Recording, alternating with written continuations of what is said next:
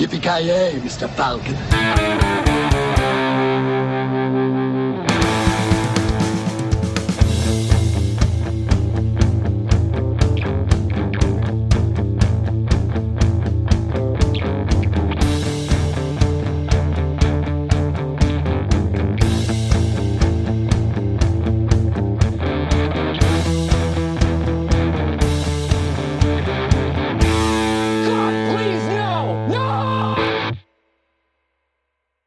Gott folk! Hjärtligt välkomna! Eh, Creative Meltdown Podcast har ni, om ni lyssnar på det här så har ni tunat in i alla fall på det. Jag heter Joakim eh, Kruger Avoya. Det är mitt nya mellannamn som jag har skaffat mig just nu, precis nu. Eh, med mig från, ja, det är väl Norrbottens svar på en Freddy Krueger-mardröm, Skellhäll, Mr Joakim Granström. God dag. Jag är ju i Västerbotten alltså, det är ju det som är grejen. Ja, i och för sig, fan. Jag har vi har klivit över den där linjen mellan Ja, helvete och eh, typ bara misär. Jag vet inte. Just det, fan, du ligger där på gränsen någonstans, ja. ja, Fan. precis. En fot i Ja. vardera, en fot i vardera. Du är fan inte ens värdig att kalla dig norrlänning. Det är ju hemskt. Ah, fan. Jag känner att eh, skammen är stor, men vad fan ska man Ja. göra? Kent, tycker inte du det här är shocking news? Jag, tror, jag har ju alltid tänkt att det var jag som är norrlänning, men vad fan. Ja, men alltså, fi- finns det någon som är norrlänning som kallar sig själv för norrlänning? Man är antingen norrbottning, västerbottning eller och så vidare. Ja, i och för sig. Det är ju sant. Norrlänning, det är ju någon som sitter i Stockholm och kallar oss för det. Känns det som. ja, ja, just det. Ja, ja men det, det är ju sådana där som tror att typ allting utanför Stockholms förorter, det är Norrland. Ja, i princip. Ja men det, det är som för oss, allt söder om Skellefteå i Stockholm. Det är typ... Ja, men det är typ så. Vi har bra koll på geografi. Vi har, vi har koll på de viktiga bitarna, det är det. Ja exakt. Ja, precis. Det är generalisering, det, det får man leva med. Allt under Skellefteå är Stockholm och allting som är över Danmark bör tillhöra... Allting som är över Skåne bör tillhöra Danmark. Ja, vad säger jag? Allting under Skåne bör tillhöra Danmark. Jag kommer inte ihåg. Jag, ni kanske hör att jag druckit lite grann. Ja, fy Det fan. krävdes alkohol för att jag skulle ta mig igenom filmen som eh, vi ska prata om idag. Vad har du sett på Mindhorn? Jag trodde det var Freddy, Freddy Krueger vi skulle se på. Okej, jag har, miss, jag har missförstått planen. Två för en. Jag har missförstått. Åh fy fan, det det finns inte sprit i världen skulle kan ta en igenom Mindhorn alltså. Jag har ju redan gjort det en gång i alla fall. Ja men alltså, relive that shit. Fy fan. Ja, men du Avsnitt vet, 200. alltså, det, det kallas, eh, vad fasken heter det, konfrontationsterapi. Terapi. du liksom, du måste Ja, möta det som eh, ärrade dig så att säga. Så förr eller senare så inser du att du kommer inte att ha något val än att se den där filmen igen bara för att du måste göra upp med det som var orsaken till din liksom posttraumatiska, eh, vad heter det? Posttraumatic Stress, distress. Alltså, Ja, Ja, vad heter det? precis. Ja men, ja, men det, det där är som man säger typ att, ja men du som är så rädd för cancer, om du bara skulle få cancer och skulle inse att det var inte så farligt, du dör bara. Det, det är samma, Ja, precis! det är samma precis, med Mindhorn. Ja men det, det är det som är grejen, är inte cancer något farligt? Du kommer ju ändå bara att dö. Vad gör det för skillnad om du dör av cancer om du dör lite senare och att du har blivit gammal? Same shit, du är död i vilket fall som helst. Ja men grejen är, jag vill ju inte lida under den tiden mer än cancer och det gör man ju om man skulle ta sig igenom den skiten igen så att säga. Ja men då kan du bara sluta kämpa emot och bara dö. Liksom dö av Ja. cancern istället för att bara försöka läka det och gå på en jäkla massa sådana där uh, kemo och sånt. Det, det är bara skräp. det, risken finns ju att du överlever och måste lida. Bättre att bara låta naturen göra sitt. Men om han, om han lever så kan han ju faktiskt se om Street Fighter 500 gånger och vara lycklig. Exakt. Det är så jag tänker. Och om någon mot förmodan skulle sätta mig i en sån där blanka maskin och tvinga mig att se på Mindhorn, då, då skulle jag bara blunda och tänka på Freddy Krueger och eh, ka- kalla ner honom så att säga. Och Ja, put an end to my misery så att säga. Ja, för fan. Jag, jag hade Mindhorn i på så här, tankarna på nyligen, det var därför jag såg den här filmen, för att som rensa, faktiskt få något bra att tänka på. Då såg jag Freddy's Dead, The Final Nightmare såg jag på. Ja, det säger ju allt. igen. För den här, den här filmen är ju horribel så det... Ja, den är ju det, fast på ett eh, underbart sätt. Tragiken är att du valde den här filmen i hela serien. Ja, faktiskt. Nej men faktiskt, det är, ja, det är ju inte en bra film, det är det ju inte. Men jag, jag, jag gillar den, jag älskar ju den ändå, även fast den är helt eh, fruktansvärt dålig. Men det kommer vi in på. Du älskar den till och med, det, det är så... Ja, ja, ja, för fan. Men allting som är Freddy Krueger är ju 10 av 10 automatiskt. Sen är det bara vilken grad av 10 av 10 vi pratar om. Alltså i typ 999 fall av 1000 så är jag med dig där, men det här är ju typ det enda undantaget alltså. Det är fan. Alltså om jag ska vara helt ärlig så tycker jag den här är ro- Jag ser hellre den här än typ förra, Dream Child. Bara, alltså inte för att den är bättre, men för att jag har roligare åt den här filmen. Än vad jag, för Dream Child var så jävla bl- som blä, alltså medelmåttig, bara tråkig tycker jag. Den här i alla fall kan man skratta åt ganska ro- gott tycker jag. Jag, jag tycker inte att man kan det alltså. Den, den, den, den hamnar i kategorin när den är så dålig så att det blir tråkig. Alltså, jag, jag, Jag, tycker- jag tycker inte det. jag, jag, jag såg den här för tre dagar sedan blir det. Och jag var tvungen att plåga mig igenom den igen för jag kände bara att jag kommer inte ihåg ett skit av den här filmen och det har bara gått två dagar. Alltså... Jag såg det var- färdigt den för en halvtimme sedan, jag kommer fan inte ihåg någonting. Nej, alltså den är helt raderad från minnet alltså. Det är helt sjukt. Ja, Ja, jag tycker den är sjukt rolig, alltså, jag tycker den är jävligt, alltså den är ju typ så ett av två av tio filmer eller sådär, men det är inte, den är jävligt rolig. Det är just det som jag tycker är så kul. Man hade kunnat köpa, ja, ja men det är ju det, det är som vissa filmer, typ som Street Fighter till exempel. Det är så dåligt så att det blir kul att underhålla men här, här eh, ah, jag vet fan inte, att det, ja. Vi ska inte snacka ner skit- skiten allt för mycket men det finns ju få, få höjdpunkter måste jag säga. Jag tycker det pissar lite på Elm Street-franchiset och eh, Ja, ju. Freddy Krueger också. Ja, ja, det finns ju ingenting bra att säga om den. Men det, innan vi hoppar in i själva filmen så finns det... Det finns ändå en hel del vad heter det, rolig kuriosa kring den här filmen. Uh, jag vet inte vad, om du har tagit upp något, men jag har hittat några så här roliga grejer. Till exempel att, eh, eftersom den heter Freddy's Dead, så när den här filmen kom ut så hade man ju en begravning för Freddy Krueger som någon slags, vad heter det, stuntjippo eller reklamjippo eller vad man ska säga. Eh, på vad heter det, i Los Angeles, Hollywood Forever Cemetery höll man en, vad heter det, New Line Cinema höll mock funeral. Vilket jag tycker är jävligt kul.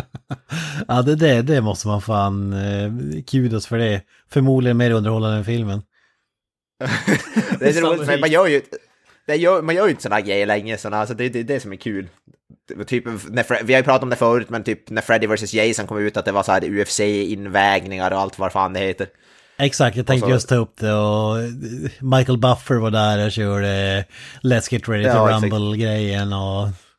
All, Och de hade typ som var med i talkshows och allt vad det heter. Man gör ju inte liksom så, sådana grejer längre, vilket är lite tråkigt.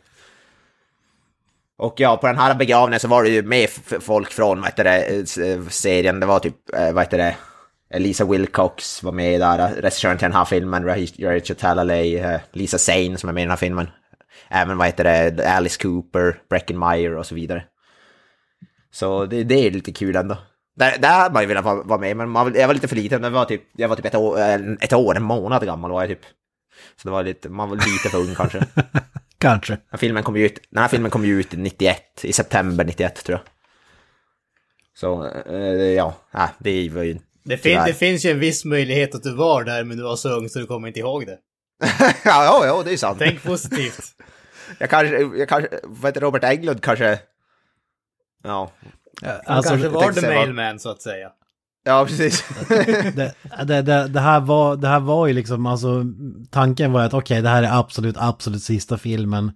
Men det är ju en jävla tur att det inte blev, alltså det är ju otroligt att det här franchiset inte blev begravt där och då av den här filmen. För att det är ju verkligen inget eh, hedersamt eh, farväl av, Nej, det är det av inte. franchiset Den vart ju Freddy Den vart ju framgångsrik, rent pengamässigt så vart den ju hyfsat framgångsrik faktiskt. Den hade jävligt stark öppningshelg märkte jag.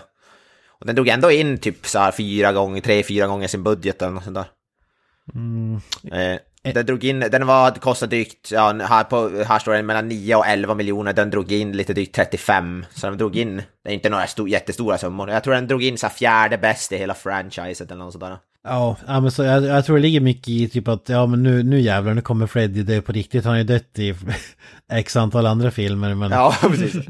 men att det nu skulle vara på riktigt. Det här var ju innan i internettiden och så vidare. Så jag kan tänka mig att många var nyfikna och gick eh, bara för att se den.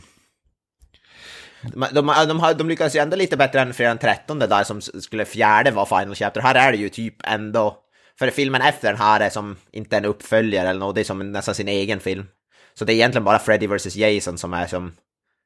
Vad heter det? Så det, det här är ju egentligen den sista Elm Street-filmen kan man ju säga. Som, alltså, som i officiella canon om man ska säga. Så de lyckas ju bättre än fredag den 13 som som, som, som vad heter det, avslutar lite för fort, så att, eller man ska säga. Men det är inte det hur man räknar remaken? Ska man se den som en prequel eller hur fan? Ja, remaken är ju sin egen film typ. Det, det, det är ju, ja det är typ en remake av första filmen, men det är ju samtidigt inte det. Nej. Den är så pass annorlunda, annorlunda från första filmen. Så den är ju i princip sin egen film. Och samma, den som kommer efter den här, New Nightmare, är också någon slags, den, den är riktigt bra, men den har ju som, det är som ingen uppföljare eller någonting heller. Så det är i princip den sista Elm Street-filmen det här faktiskt. Ja, ja det är Det- det- tragiskt. Det är, det är bara Freddy vs Jason som man kan eh, alltså, möjligtvis räkna in i det, men, men är som inte heller en uppföljare. Så ja, det är lite tragiskt att, att den slutar på det här. Ja, ba- bara det är ju att man vill se givetvis eh, en uppföljare till, men det här är ju supermotivation för att göra ännu en. Ja. Men det som är lite tråkigt är för att vad heter det, Peter Jackson skrev det första manuset till den här filmen. Eh, Och vad heter det, hans, hans manus lät inte så det skulle vara en så här åldrande Freddy som vad heter det, som typ, han var typ döende och så skulle det handla om några så här ungdomar som tog så droger och grejer för att typ, få, eh, vad heter det, enkom för att som, komma in, alltså somna och träffa Freddy och sen typ spöa skiten ur han eller något sånt där. Ja, det var ju någon sån här Hobbit slasher-film om jag förstod det rätt. Ja, ja precis. Nej men det var, vad heter det, det var, det var någon sådär, vad heter det, de, de såg han, de såg han, Fred inte som ett hot, utan de såg han bara som någon sådär, typ clown, alltså som, så, något sånt där. Men de, det blev inte att de använde Peter Jacksons manus då, tyvärr. Det hade förmodligen varit en bättre film. Det låter faktiskt lite smått intressant på att säga. Det, det är lite grann vända konceptet på, eh, på huvudet så att säga. Ja, det stod här, eh, stå, eh, Peter Jackson also wrote a screenplay that was not used. His story was about teenagers who did not see uh, Freddy as a threat and took sleeping pill to enter Freddy's world. Ja. Va- Vad hade, så- vad hade han gjort han- här? Hade han gjort Bad Taste? Eller vilken... eh, Ja, ja det var väl typ han har gjort Bad Taste, Meet the Feebles. Det är väl nånt, någonting sånt.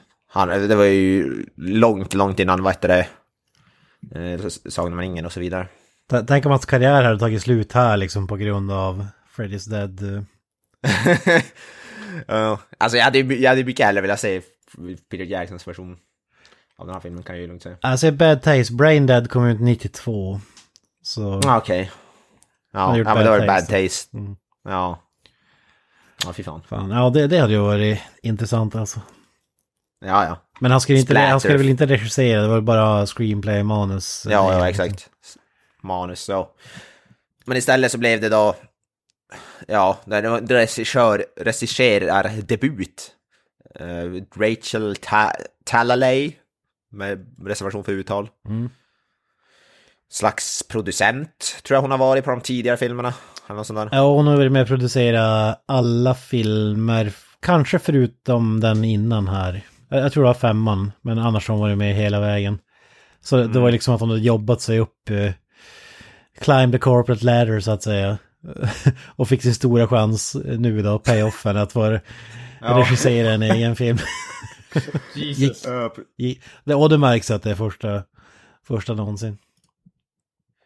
Den är ju faktiskt eh, skriven av en eh, heter det, Oscars-nominerad eh, screenplay av Michael DeLuca som är en Oscars-nominerad vad heter det, eh, ja, manusförfattare, producent. Ja, det märks ju. ja, precis. Definitivt. Ja, Han har varit med på, varit med, vet du, jag vet inte i vilken roll exakt om det är någon manus, men Show Social Network, Moneyball, Captain Phillips. Eh, han har även varit med och inblandad i 50 Shades-filmerna. Åh, åh. Ja, det där ser jag någon koppling, tror jag.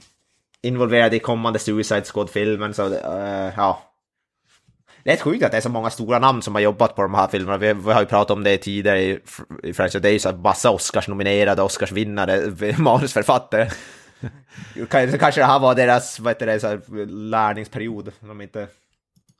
Ja men det är just det, det är ju perfekt eh, grej att få ett startskott, alltså bara komma in i branschen. Nu vet jag inte om det var så för just den här snubben men Ja, det är ju den typen av filmer där du, du har inte jättehöga krav och det märker ju på huvudskådespelaren i, eller spelerskan eller hur man ska säga, i den här filmen som nog fan i mig är den sämsta skådespelaren jag har sett i franchiset nästan.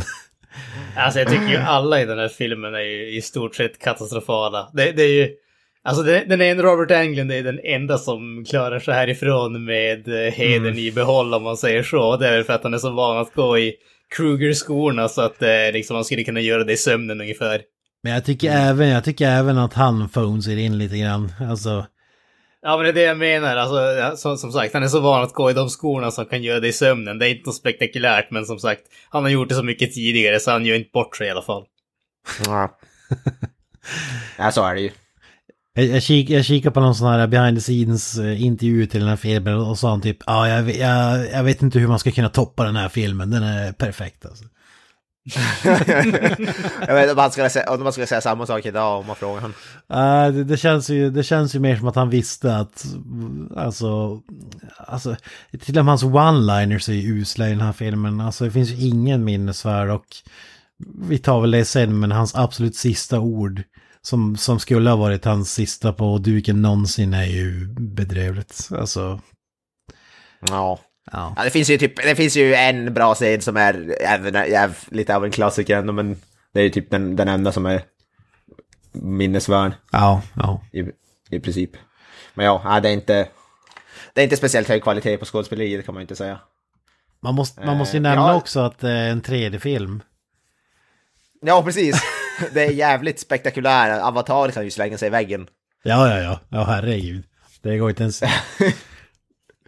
Innan, Det- eh, det, är ju, man kan ju tro att den gjordes eh, alltså i år. Att James Cameron har utvecklat ny 3D. Ja. Ja, nej, det var faktiskt inte så. Är, men ja, precis. De sista tio minuterna av filmen är i 3D typ. Ja, det är så jävla sjukt. De- Det är så här tidigt med de här plastkartongglasögonen är ju. Huvudvärksglasögonen, grön, Ja, eller vad fan är de? Ja, precis. Man får typ ögoncancer av att ha på sig dem. och i filmen tar hon på sig ett par glasögon och det är då man ska ta på sig dem. Det var då back in the day i alla fall. Jag, har ju absolut inte 3D-version av den här filmen. N- när filmen startar står det ju så här credits, Freddy Vision. Ja, precis. ja, det är fan ja. Ja, fan. underbart. Men jag tycker, vet du det, innan vi hoppar in i några äh, i filmen, så det, rolllistan tycker jag är hyfsat intressant. Det finns en del, det finns en del stora namn att hämta, konstigt nog. Ja. För det var i förra filmen pratade vi om, där fanns det typ ingen man kände igen i princip. Det var, vad heter det, Jurassic Park-ungen var typ det största namnet i den filmen. Och det är ingen som vet vad fan han heter. Nej, ingen vet vad han heter. Men den här finns det ju en hel Josef del Mosello, eller fan. Är det? Nej. Är det den? Eller någon annan Nej, Whitney. Det, det är han som Sam Neill hot i början, han är på utgrävning och tar fram en raptorklo. Jaha, den tjocka ungen. Ja, hotar med att sprätta upp magen på honom. den, den ungen är Underbar. Ja, kung. Det där var hans stora break. Ja, precis. Förra film, Dream Child. Men vi, förutom då Robert Englund så har vi faktiskt, eh, ja, Breckin Meyer nämnde vi. Han är ju hyfsat stor, inte jättestor, men han, är, han har ändå varit med i några sådana, någon serie och någon komedi och sådär. Hyfsat Ja, han, han är ju roadtrip, eh, Ja, huvudroll i Road Trip, roadtrip ja, ja. där känner man igen honom direkt. Ja. Alltså, fantastisk precis. film. Ja, ja, ja. Tom Green och eh, vem fan är det mer? Ja, ja. Var Stifler med i den också kanske? Ah. Ah, men Tom, ja, Tom Green är ju med i alla fall. Jag tror han även är med i en film som heter Rat Race som jag, som jag tyckte var kul när jag var liten. Med vad heter det, Mr. Mr Bean, ja just det. Ron Ja. Atkinson. Seth Green är väl med i den också. Och så- Ja, Den slutar med att de hamnar på en Smash Mouth-konsert här för mig. ja, ja. ja, fy fan. Jag älskar den filmen när jag Ja, var det, typ det blir inte bättre än så, fan. Fan, är inte John Ja. Cleese med i den också? Ja, just Ja, det tror jag fan. Är inte han som anordnar hela den där Ja, tävlingen? jag tror det. Race-tävlingen. Ja. Ja. Han är Ja, med är i Gustav-filmerna också, har han ju huvudrollen i. Den här... Jag tror, det, jag tror det är i den filmen Johnny John Lovitz är det när han vet du, det, hamnar på någon jävla veteran för ve- vet du, det, Ja, nazisterna. Ja, och så kan han inte prata för att han har typ bränt tungan och så har han något problem med en finger så ser det ut som att han står och heilar framför en massa krigsveteraner. Det är Sjukt roligt. Vad fan. Ja, ja, ja, det var sidospår. Men ja, Breaking My... Sen har vi ju även Johnny Depp som var med i första Nightmare Ransom. Han är med i typ 10 sekunder i den här filmen. Mm. Som Guy on TV. Ja, det, det känns som att han gjorde någon sån här samhällstjänst och var med i den här. Ja, förmodligen. Jag fattar inte det här. När jag kollar på hans vad heter det, credits på Wikipedia, då står det på Johnny, efter Johnny Depp så står det inom parentes credited as Oprah Noodle Mantra.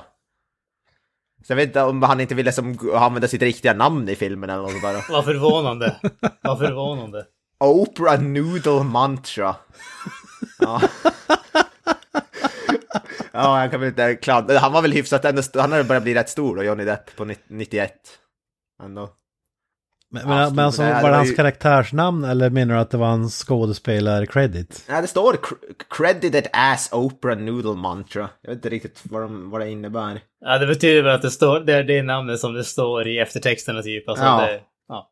Ja, precis. Ja, han måste ju han måste vara att han inte vill, vilka, fick, eller ville använda sitt riktiga namn då. Det måste vara någon passning till Oprah Winfrey eller vad fan? Ja, har ingen aning. Men det, jag, jag kan ju lite klandra han, han, vill, han vad, hade Johnny Depp gjort 91? Då hade han väl typ gjort så Sleepy Hollow och Edward Scissorhands och grejer typ. Ja, just det. Möjligtvis. Har två, Ja, två andra cameos. Tom Arnold, magisk Ja, skådespelare, och Roseanne Barr. De är med totalt 20 sekunder kanske. Ja, det var med så lite så att jag reagerade på när de var med. så lite var de med. Ja. Och framförallt, Men det, The Man Behind the Mask. ja, det är ju den coolaste cameon. Eh, han, jag tycker han, han var fan, han levererar fan Alice Cooper tycker jag. Ja, Alice Cooper gör en cameo. Det, det tyckte jag var kul att han, han sa att han, han är stort fan av skräck, eh, framförallt Fredag den 13, men här bytte han ju franchise då. Men han tog ju rollen för att han dels var fan av, eh, av franchise, men även för att han, han sa att han fick massor med erbjudanden att vara med i filmen, men då ville de alltid att han skulle vara sminkad som Alice Cooper. Och ha, Ja, här tog han den här ja. rollen för att de sket ju i det. Vilket genomsyrar hela filmen lite, att de bryr sig inte om att han ser ut som Alice Cooper eller inte, utan han, han ser inte ut, alltså hade man inte vetat att det var han så hade man ju knappt ens tänkt på det tror jag. Han har en jävla truckig Nej. keps och... Ja, han ser ut som Lodis typ. Ja, en cameo som Freddy Krugers farsa. Ja, ja det är fan... Ja, det tycker jag är roligt. Han hade med bara för att han inte behövde sminka sig. Det är, som, det är ganska kul. Ja, ja det, är, det är fantastiskt. Ja. Ja, det är ju typ det bästa med hela filmen, är ju Alice Coopers cameo. Ja, och Och även eh, Playing with Power, men det kommer vi till. vi ska ju inte glömma Alien-stjärnan Granström. Jafet Koto. Oh, The man, the myth, the legend, the shame. Nej, alltså ja. ha- Han är med i den här filmen och liksom alla andra så gör han bort sig. Så ja. Vad fan ska man säga? Fy fan. Nu tycker jag, nu Men- tycker du svär i kyrkan alltså. För, för de som, eh, de flesta har ju sett Alien, men ingen vet ju, kan ju namnet by heart så att säga. Vem är han i Alien-franchisen?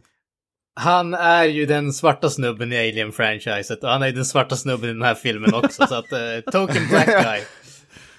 Han är den enda, äh, äh, det är så man kommer ihåg den, den mörkhyade snubben i Alien. Ja, precis. Det är typ så.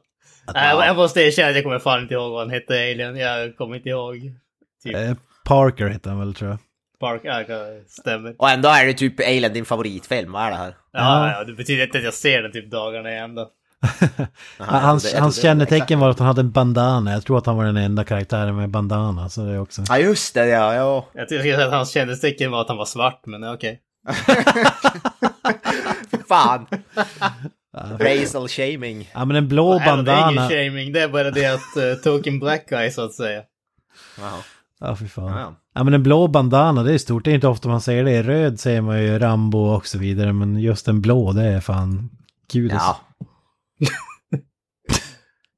Ja även, vad heter det, någon snubbe som har som varit med i både Back to the Future 2 och 3. Tillbaka till framtiden alltså. Eh, Ricky Dean Logan, aldrig talas om. Han är även med i Seinfeld.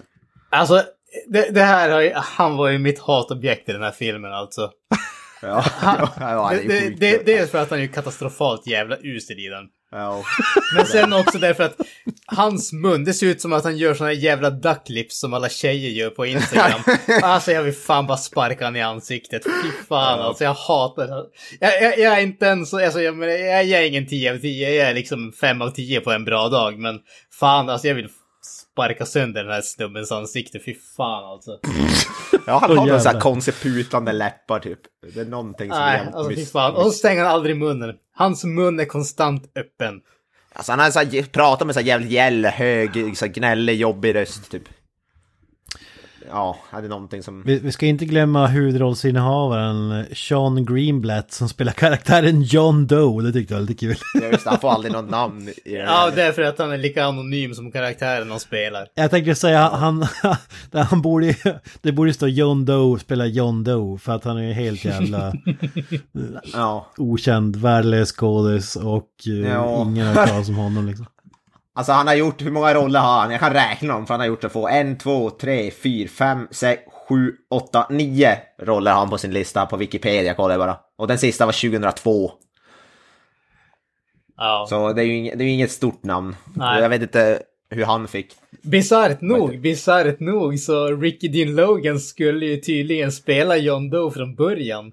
Ja, Men- jag, jag läste det också. Han- var typ, tydligen mer intresserad av att spela Carlos som han då heter istället. Han, han, han var, den här John Doe var inte nog irriterande och störande för han. Så han ville spela någon roll, han fick irritera folk. Men kanske eh, värst i hela filmen, eh, huvudrolls... En, en, den andra huvudrollsinnehavaren, Lisa Sane, spelar... Ja, jag tänkte säga att det är ett spoiler, men vad fan bryr sig? Hon spelar Freddy Krugers dot, dotter. Ingen bryr sig om att på spoilern av filmen. Lisa Sane, hon är helt värdelös. Vi får inte glömma Peter Spellows, han är ju jävligt känd, eller jävligt känd, men han är med i sjukt många, alltså en röstskådespelare som har varit med i så här Cowboy Bebop och alltså, jag tror fan Akira och sånt där. eh, Sjukt många eh, animerade grejer. Han var även med i Men in Black 2 där som någon lurvig jävla eh, Motorman heter karaktären. Jag får att han var MC Knutt eller någonting så. Jävligt skumt. Ja, är det, är det, får se Tracys fader, det är, en, är det han den där stora tjocka snubben i köket där när han kommer Give daddy some honey? Exakt, Är det han- den- exakt. Ja. Fy fan. Ja, ja men det, det, det hör ju inte till vanligheterna i det här fran- franchiset måste man säga. Det är en Nej. eller två brukar ju vara, men när de bränner på med så stora namn som uh, Jappet Kotto och, och de här grabbarna. Tom Arnold! Tom Arnold! Vi har fått gott att ta Arnold och Roseanne Barr. Då jävlar. Det har de dragit på sig. Fy fan. Jag lovar, vad heter det, Johnny Depps 10 sekunder cameo kostar säkert mer än resten av filmen. Tom Arnold var ju fan bra i True Lies tycker jag. Det är väl typ hans enda respektabla roll. Eh, även sjukt märklig roll i DMX-filmen och Jet Li, Cradle to the Grave. Det känns inte som en Tom Arnold, en film som Tom Arnold. Är inte han typ såhär stand-up komiker egentligen eller något sånt? Ja, men han är där och skriker i filmen lite grann och comic relief-karaktär. Ja, just det. Ja. Jag har inte sett den filmen på 20 år, men Uh, nej, jag har faktiskt inte sett den. DMX tackar man inte nej till. Eller ja, pri, pri, Alltså- som, som privatperson ja, men eh, hans filmer är ju så dåliga som de är roliga. Den eh, sista saken jag vill bara ta upp innan, alltså i skådespelarlistan, det är att vi har faktiskt, det är tre olika skådisar som spelar Freddy Krueger i den här filmen. Ser jag på- om man kollar på listan. Det är ju Robert Englund, men sen har vi även Teen Freddy och Young Freddy. Ja, just det. Eh, jag vet inte, jag kommer inte ihåg vilken scen Young Freddy, Teen Freddy är ju med Alice Cooper. Ja men du, du har Tom- ju när han eh, bankar sönder råttan på skolan, då är han ju ung. Ja, och sen det, ja. direkt efteråt får vi ju Teen Freddy. När han Ja, står och skär sig själv och det är då vi får Alice Cooper cameon. Ja. Ja, precis. Det är... eh, Ja. Det är de första, jag tror det är först, undrar om det kan vara första gången Freddy Krueger spelas av alltså, någon, an, någon annan än Robert Englund. Jag tror det kan vara det. Det är ju lite intressant. Mm. Tunga namn som gör det också. Ja, Toby 16 spelar Teen Freddy. Han kan skryta om att han fick spela Freddy Krueger innan, vad heter det, Jackie Earl Haley fick i, i remaken. Ja, ja kan- fantastiskt. Fy fan.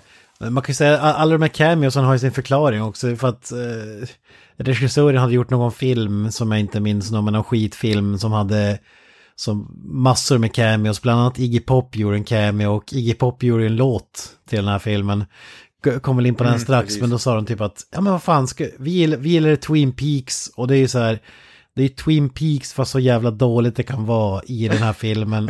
och så sen skulle de, skulle de göra precis som i den filmen de nyss hade gjort då, att, att eh, skulle klämma in en massa cameos för att nu hade de sådana kontakter efter den filmen med cameos att vi kan nog få in några stycken här. så så det, det är därför du har Roseanne, Tom Arnold och eh, Johnny Depp och alla de här. Ja, det är, fan sjukt alltså. Men ja, som du sa, Iggy Pop har gjort eh, themesången till den. Precis som, vad heter det, för förra filmen gjorde ju Bruce Dickinson, Bring Your Daughter to the Slaughter gjorde ju han som themesången, om man ska säga. Och den här är Iggy Pop styr då. Eh, och den vart ju precis som, vad heter det, Bruce Dickinson-låten vart ju den här låten också nominerad för eh, Raspberry för sämsta sång. Eller sämsta låt. Eh, låten heter Why, Why Was I Born inom parentes Freddy's Dead. Är det den som spelas i absoluta slutet? Ja, det är den som spelas i, eh, i creditsen. Det måste ju vara det. för det är- det är där någon låt- ju där, Why was I born? Ja, just det. Men det är ju någon låt bara, Freddy's Dead, alltså i låten eh, som spelas. Ja, men det är den tror jag. Jag tror det är. Alltså det var ju så konstig låt. Jag tyckte att det här är en jävla funk och sen blev det som typ rock och så. Ja, det var en sjukt märklig låt alltså. Ja men i samma när filmen börjar med en sån här Google Dolls kopia-band som... Nej, det är Google Dolls är med i... De har tre låtar i Ja det soundtracket. är Google jag- Dolls alltså, ja okej. Ja. De har tre låtar i soundtracket. Åh fy fan. Ja det, det, lät, det lät exakt som dem. Det är också lite oväntat eh, val måste man säga till en slasherfilm. Ja, det, det är genomgående för alla Elm Street. De har väldigt konstiga alltså, låtval. Som vi sagt, till Fred, det har på något sätt blivit synonymt med hiphop vad heter det, Freddy Krueger. Ja. Vilket är jävligt märkligt. Fast det här blev istället något punk. Och ja, jag vet inte vad man ska kalla Google Dolls rock, men det är, kna, det är knappt rockband. Alltså alternativ rock möjligtvis åt något det. Ja. Och Iggy Pop är väl punk, typ. Kalle älskar väl Iggy Pop. Jag har för mig att han har pratat om Iggy Pop. Han skulle, det kanske hade varit bättre att ha han istället för Granström här. Jävlar vilken sorg. Ja. Oj, oj, oj, fan. Det tog hårt. Ja men i, i Ja, Iggy Pop, oj. Iggy Pop har gjort jävligt många bra låtar tycker jag. Jag, Kan jag kommer ihåg en låt. Ja, den, den hade The Passenger, kommer jag ihåg. Ja precis, Lust for Life, eh, den, den Ja. grejen. Han hade väl Iggy Pop och and någonting, någonting, har väl hans band typ. Ja, skitsamma. And the Stooges. Ja, ja Stooges kanske. Mm, precis. Men i alla fall, den vart i alla fall nominerad för Raspberry, precis som, som vi hade sagt, Bruce Dickinson-låten. Fan vilken skandal, alltså två superartister i rad. Razzie-galan sjunker Ja. i mina ögon alltså. Ja, då tycker jag nog kanske Bruce Dickinson-låten var bättre, bättre än den här, för den här kommer jag knappt, eh, ja, jag, jag, jag lyssnar inte ens på den speciellt mycket, men... Äh, men jag, alltså jag tror det var respektabel gala, men uppenbarligen inte. Fan, den, den nominerar Cats, mästerlig film, och, och Bruce Dickinson, nej fy fan.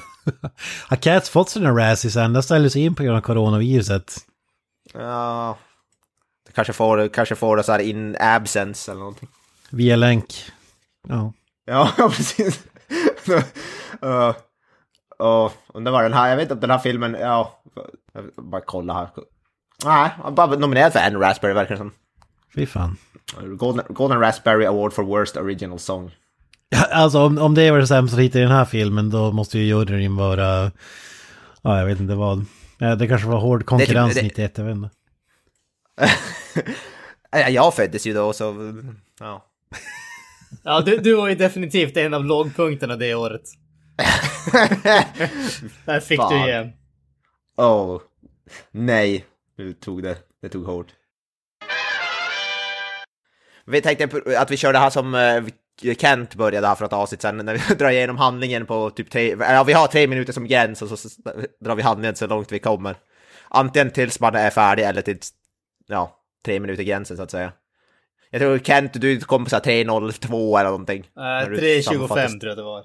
Ja, till det var, det var en bra fan. bit över, men det var ju... Ja. Det var ju, vad säger man, prototypen. Ja, Ja, men precis. precis. Det var, det var första försöket så att säga.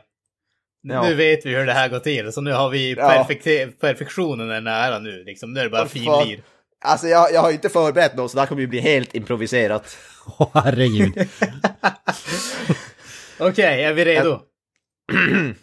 Yes. Timern kör igång på 3, 2, 1, go! Eh, det här filmen utspelar sig då efter förra filmen Dream Child. Det handlar om någon snubbe som vi egentligen inte får veta namnet på. John Doe kallas han i den här filmen. Han kommer, han, vad heter det, kommer till, ja, jag kommer inte ihåg vad stan heter, men han i alla fall, han, kom, han kommer från någonstans som han inte kommer ihåg. Han har ingen minne. Eh, han träffar en psykiatriker spelad av Lisa Zane. Eh, de far tillsammans till Springwood, tror jag, för att försöka ta reda på då vem den här eh, John Doe-snubben är. De, eh, vad heter det, han har, no, de, han har någon typ av minne därifrån eller någonting. Eh, de far dit, de hittar massa newsklippings och grejer och då får han för sig att han är, vad heter det, Freddy Krugers eh, son. Eh, och det är därför att Freddy Krueger inte har dödat han. Eh, han får blir bli sen träff, träff, vad heter det, träffar Freddy Krueger i en av sina drömmar och får han veta att nej, han är inte alls hans son. Han vill, eh, Freddy Krueger använder han bara för att komma åt hans dotter, som då visar sig vara den här Lisa Zane, eh, psykiatrikern. Eh, sen, sen får vi då veta att, vad heter det, eh, ja, som sagt, det är, eh, den här, hon är Freddy Kruegers dotter. Vet Vad det, hon skvallrade på han, tror jag, för, efter han, eh, Freddy Krueger hade dödat hennes eh, vet vad det, mamma. Eh, de, då, vet heter det, eh, kommer, då, då sen blev Freddy Krueger dödad av byborna där då.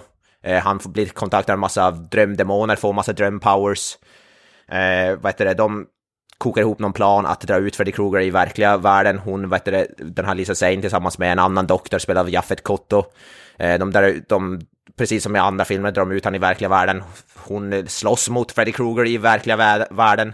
Eh, kör in en pipebomb i käften på han, eller nej inte käften, i bröstkorgen på han. Han, han sprängs, hon säger eh, Freddy's dead. Eh, och sen slutar filmen, eh, Iggy Pop musik spelas. Hon har även ett par, par tredjeglasögon på sig som får henne att, att kunna se saker. Jag har ingen aning om vad. Eh, men ja, scene, det var lite hoppigt. Ja, du, du gjorde det bra ifrån. Du har en hel minut på dig, så att fortsätt om du vill. Du kan ju prata om kanske alla sidokaraktärerna som du inte har nämnt. Ja, precis. Vi har sidokaraktärer spelade av Brecken Meyer som en slags drug addict. Vi har Johnny Depp i en tv-apparat. Vi har Freddy Krueger spelar tv-spel på sin handske, använder som en power glove. Eh, vi har även en någon karate-kärring, vad heter det, som eh, liknande. Det fanns i någon annan film, fanns det någon som tränade karate. Hon, ja. Sen har vi även en jävligt irriterande döv snubbe eh, vid namn Carlos som är jävligt störande, som får sitt huvud sprängt. Eh, Ja, typ det. Och som sagt, de har tredjedelas ögon. Film, sista 10-15 minuter av filmen är i 3D.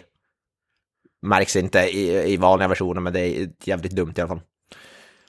Eh, ja, typ det. Fan, det där gjorde mig svettig. Det var länge sedan du tutade sådär mycket. Okej, nu har vi Ja. fått två minuter och 45 sekunder. Ja, Bra jobbat. ja. Ja. Bra jobbat. ja, det är imponerande. Alltså, hinna med den där invecklade handlingen på två minuter. Det är fan Ja. ingen lek alltså. Ja, ja, sjukt invecklad handling alltså. Det är Inception, fast gånger fem. Ja, på ett sätt är det faktiskt invecklat för det makes no sense, men det är ju en annan sak. Ja, det Alltså- gör den ju verkligen. Den- här filmen gör ju några, om jag säger, logiska hopp som skulle göra världens bästa längdhoppare avundsjuk alltså. Men det, det största frågetecknet med den här jag har med den här filmen egentligen, det är varför ska den utspela sig 1999? Det, det fattar jag inte alls alltså. Ja, ja, Ja, det, det tänkte jag inte på ens. Men... Det, det, här, det här har väl ingenting att göra med någonting. Jag, jag tänkte, för jag, jag, jag har ju inte sett typ någonting annat än första filmen som vi pratade om för jättelänge sedan. Så att, men jag tänkte bara att det var för att det skulle vara någon sån där grej att det har gått så pass länge sedan de hade något barn i, vad heter det, i den där staden. Så att alla hade liksom hunnit börja sakna och allting hade börjat bli konstigt så att säga. Hade det hänt för liksom två veckor sedan att alla barnen hade försvunnit, då hade det som inte varit samma grej. Det var, det var typ det som jag Ah. tolkade för, men jag tolkar inte som att det var någon sån där... För att det, det, det kan man ju också säga. Du, när- du, du menar att aldrig- Freddy Krueger behöver tio år på sig att rensa ut eh, Springwood på barn? Ja men fan, han är ju inte direkt ung, kom igen. Han, han börjar bli lite stilleden och så. Ja, precis. Nej men alltså det... Kanske jag också... Jag, jag vet Ja, inte vad fortsätt. heter det om... Eh, jag säger de att den utspelas 1999 i filmen? För det jag såg var bara att det är tio år från nu så att säga. Ja, precis. Och det blir ju 1999. Jag tänker, ja, men jag tänker att det där är den där liksom, man ska inte tänka på tio år från nu när filmen släpptes, utan tio år från nu när det är. För egentligen så utspelas den 2030.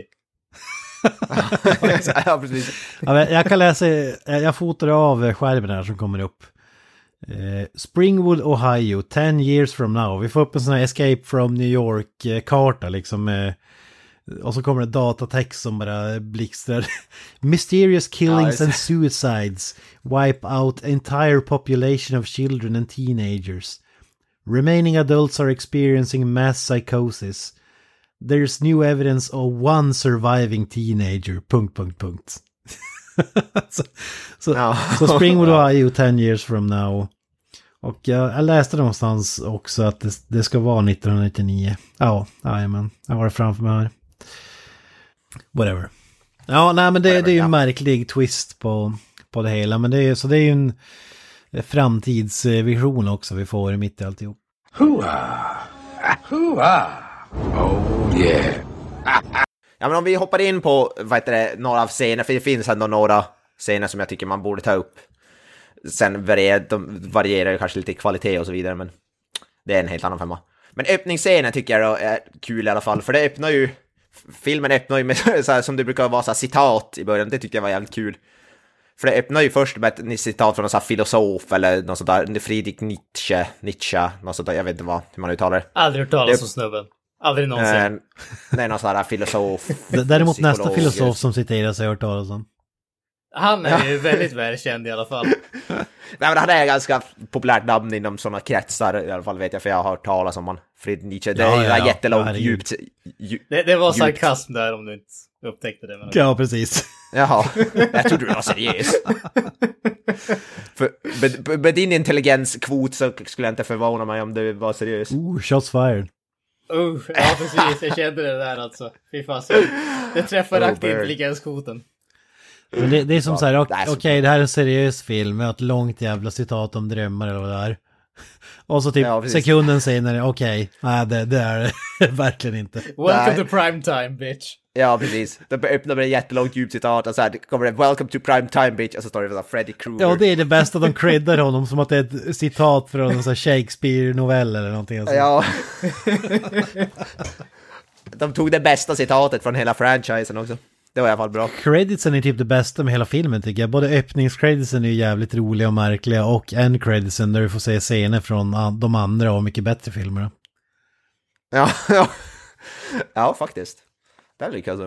Men jag tyckte det tyckte jag var jävligt kul, jag skrattade så farligt. Så, welcome to prime time bitch. Vad tror ni att de var ute efter det här? Var det bara för att få ett chock laughter eller var det någonting annat? Ja. Ja, men alltså, jag, jag, tror nog ändå att det var att sätta tonen lite grann. Alltså det, det är ju det där att du har Nietzsche djupt, mörkt, allvarligt och så sen har du direkt efteråt Freddy lättsamt, komiskt. Mm. Det, det är liksom, och det, det, det kan man väl säga, det, det är väl egentligen de två de två kategorierna som filmen försöker att eh, spela mellan. Du har ju som komedin med Freddy genom hela filmen och så har du det allvarliga med de där uh, hemlösa barnen, eller vad man ska kalla det, ungdomarna som har liksom psykologiska besvär med mera, med mera. Och de försöker göra någon sån där uh, blandning mellan väldigt seriöst och ganska så komiskt, men det misslyckas katastrofalt därför att ingen av dem har någon aning om vad uh, skådespeleri har att göra med. Nej, jag- ser framför mig att de gjorde filmen, de hade bara Nietzsche-citat från början, så när studion såg filmen bara, vad i helvete håller ni på med? Ni, ni kommer ju skämma ut er. Kläm in Freddy Krueger och Primetime Bitch-citatet i, efter det där så att folk inte tror att vi... Så folk vet att det är så att, så att folk fattar hur campy det är. Ja. Ja, men jag, jag kan tänka mig att det är tidig fall av fanservice också. Om det nu var rusning till... Jag vet inte om det var som så här när det är Star Wars eller Sagan om ringen, att folk klär ut sig och grejer. Om de typ skriker rakt ut när de säger “Welcome to prime time bitch” eh, citatet. Om det är en sån grej kanske man vill åt. Ja, det, var ju, det är ju ett populärt, det är ju det bäst kända citatet från hela franchisen. Ja, vem ja, vet, det kan... Det bästa citatet också. Men det kan, om folk, vi pratar om det, det är ju tredje Freddy Krueger-avsnittet, eller Nightmare on Elm Street, Dream Warriors, kommer det ifrån. För de som undrar i alla fall. Eh, Men det är i alla fall, det öppnar filmen så. Sen öppnar det med en, eh, vad heter det, drömscen med den här snubben, John, John Doe, snubben spelad av den här Sean Greenblatt, eh, vad fan han nu heter. Och han, eh, vad heter det, ja det är så märkligt, det, han är i något jävla hus som typ svävar upp i luften och sen kommer Freddy Krueger utklädd till någon slags häxa på en broom, på en kvast. I'll get you, my pretty, and your little soul, too!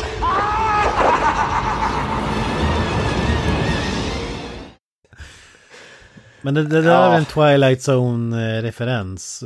Alltså, there's something on the wing. Ja. För att han sitter i ett flygplan. Ja, han är ju på, han är ju, ja exakt, han sitter först i ett flygplan typ och sen i ett hus.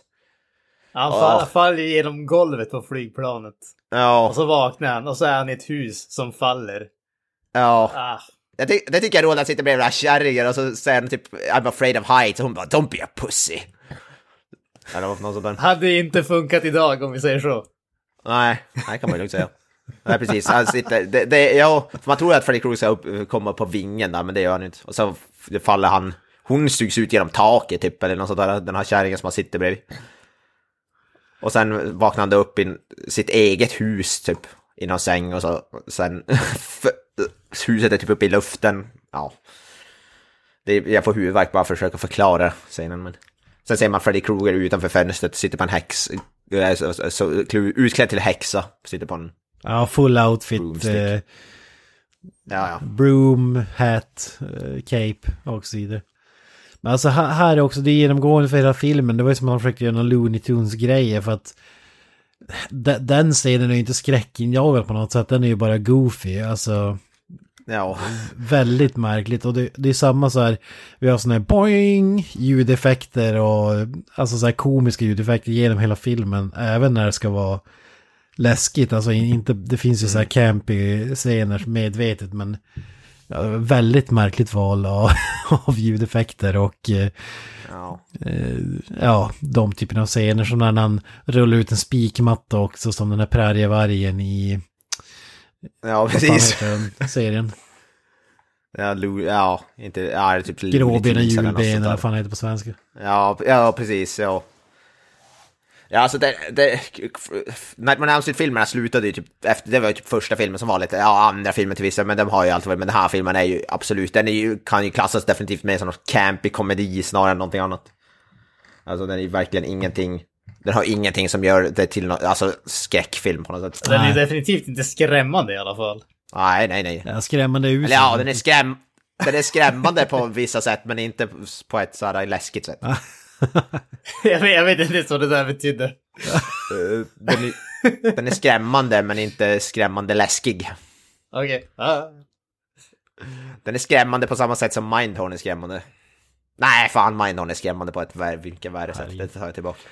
Alltså det, det känns ju också som att eh, Jaffet Kotto har fått en jävla stroke eller någonting innan inspelningen. För han har ju talfel typ. Alltså det minns man inte från Alien i alla fall. Jag vet inte fan vad...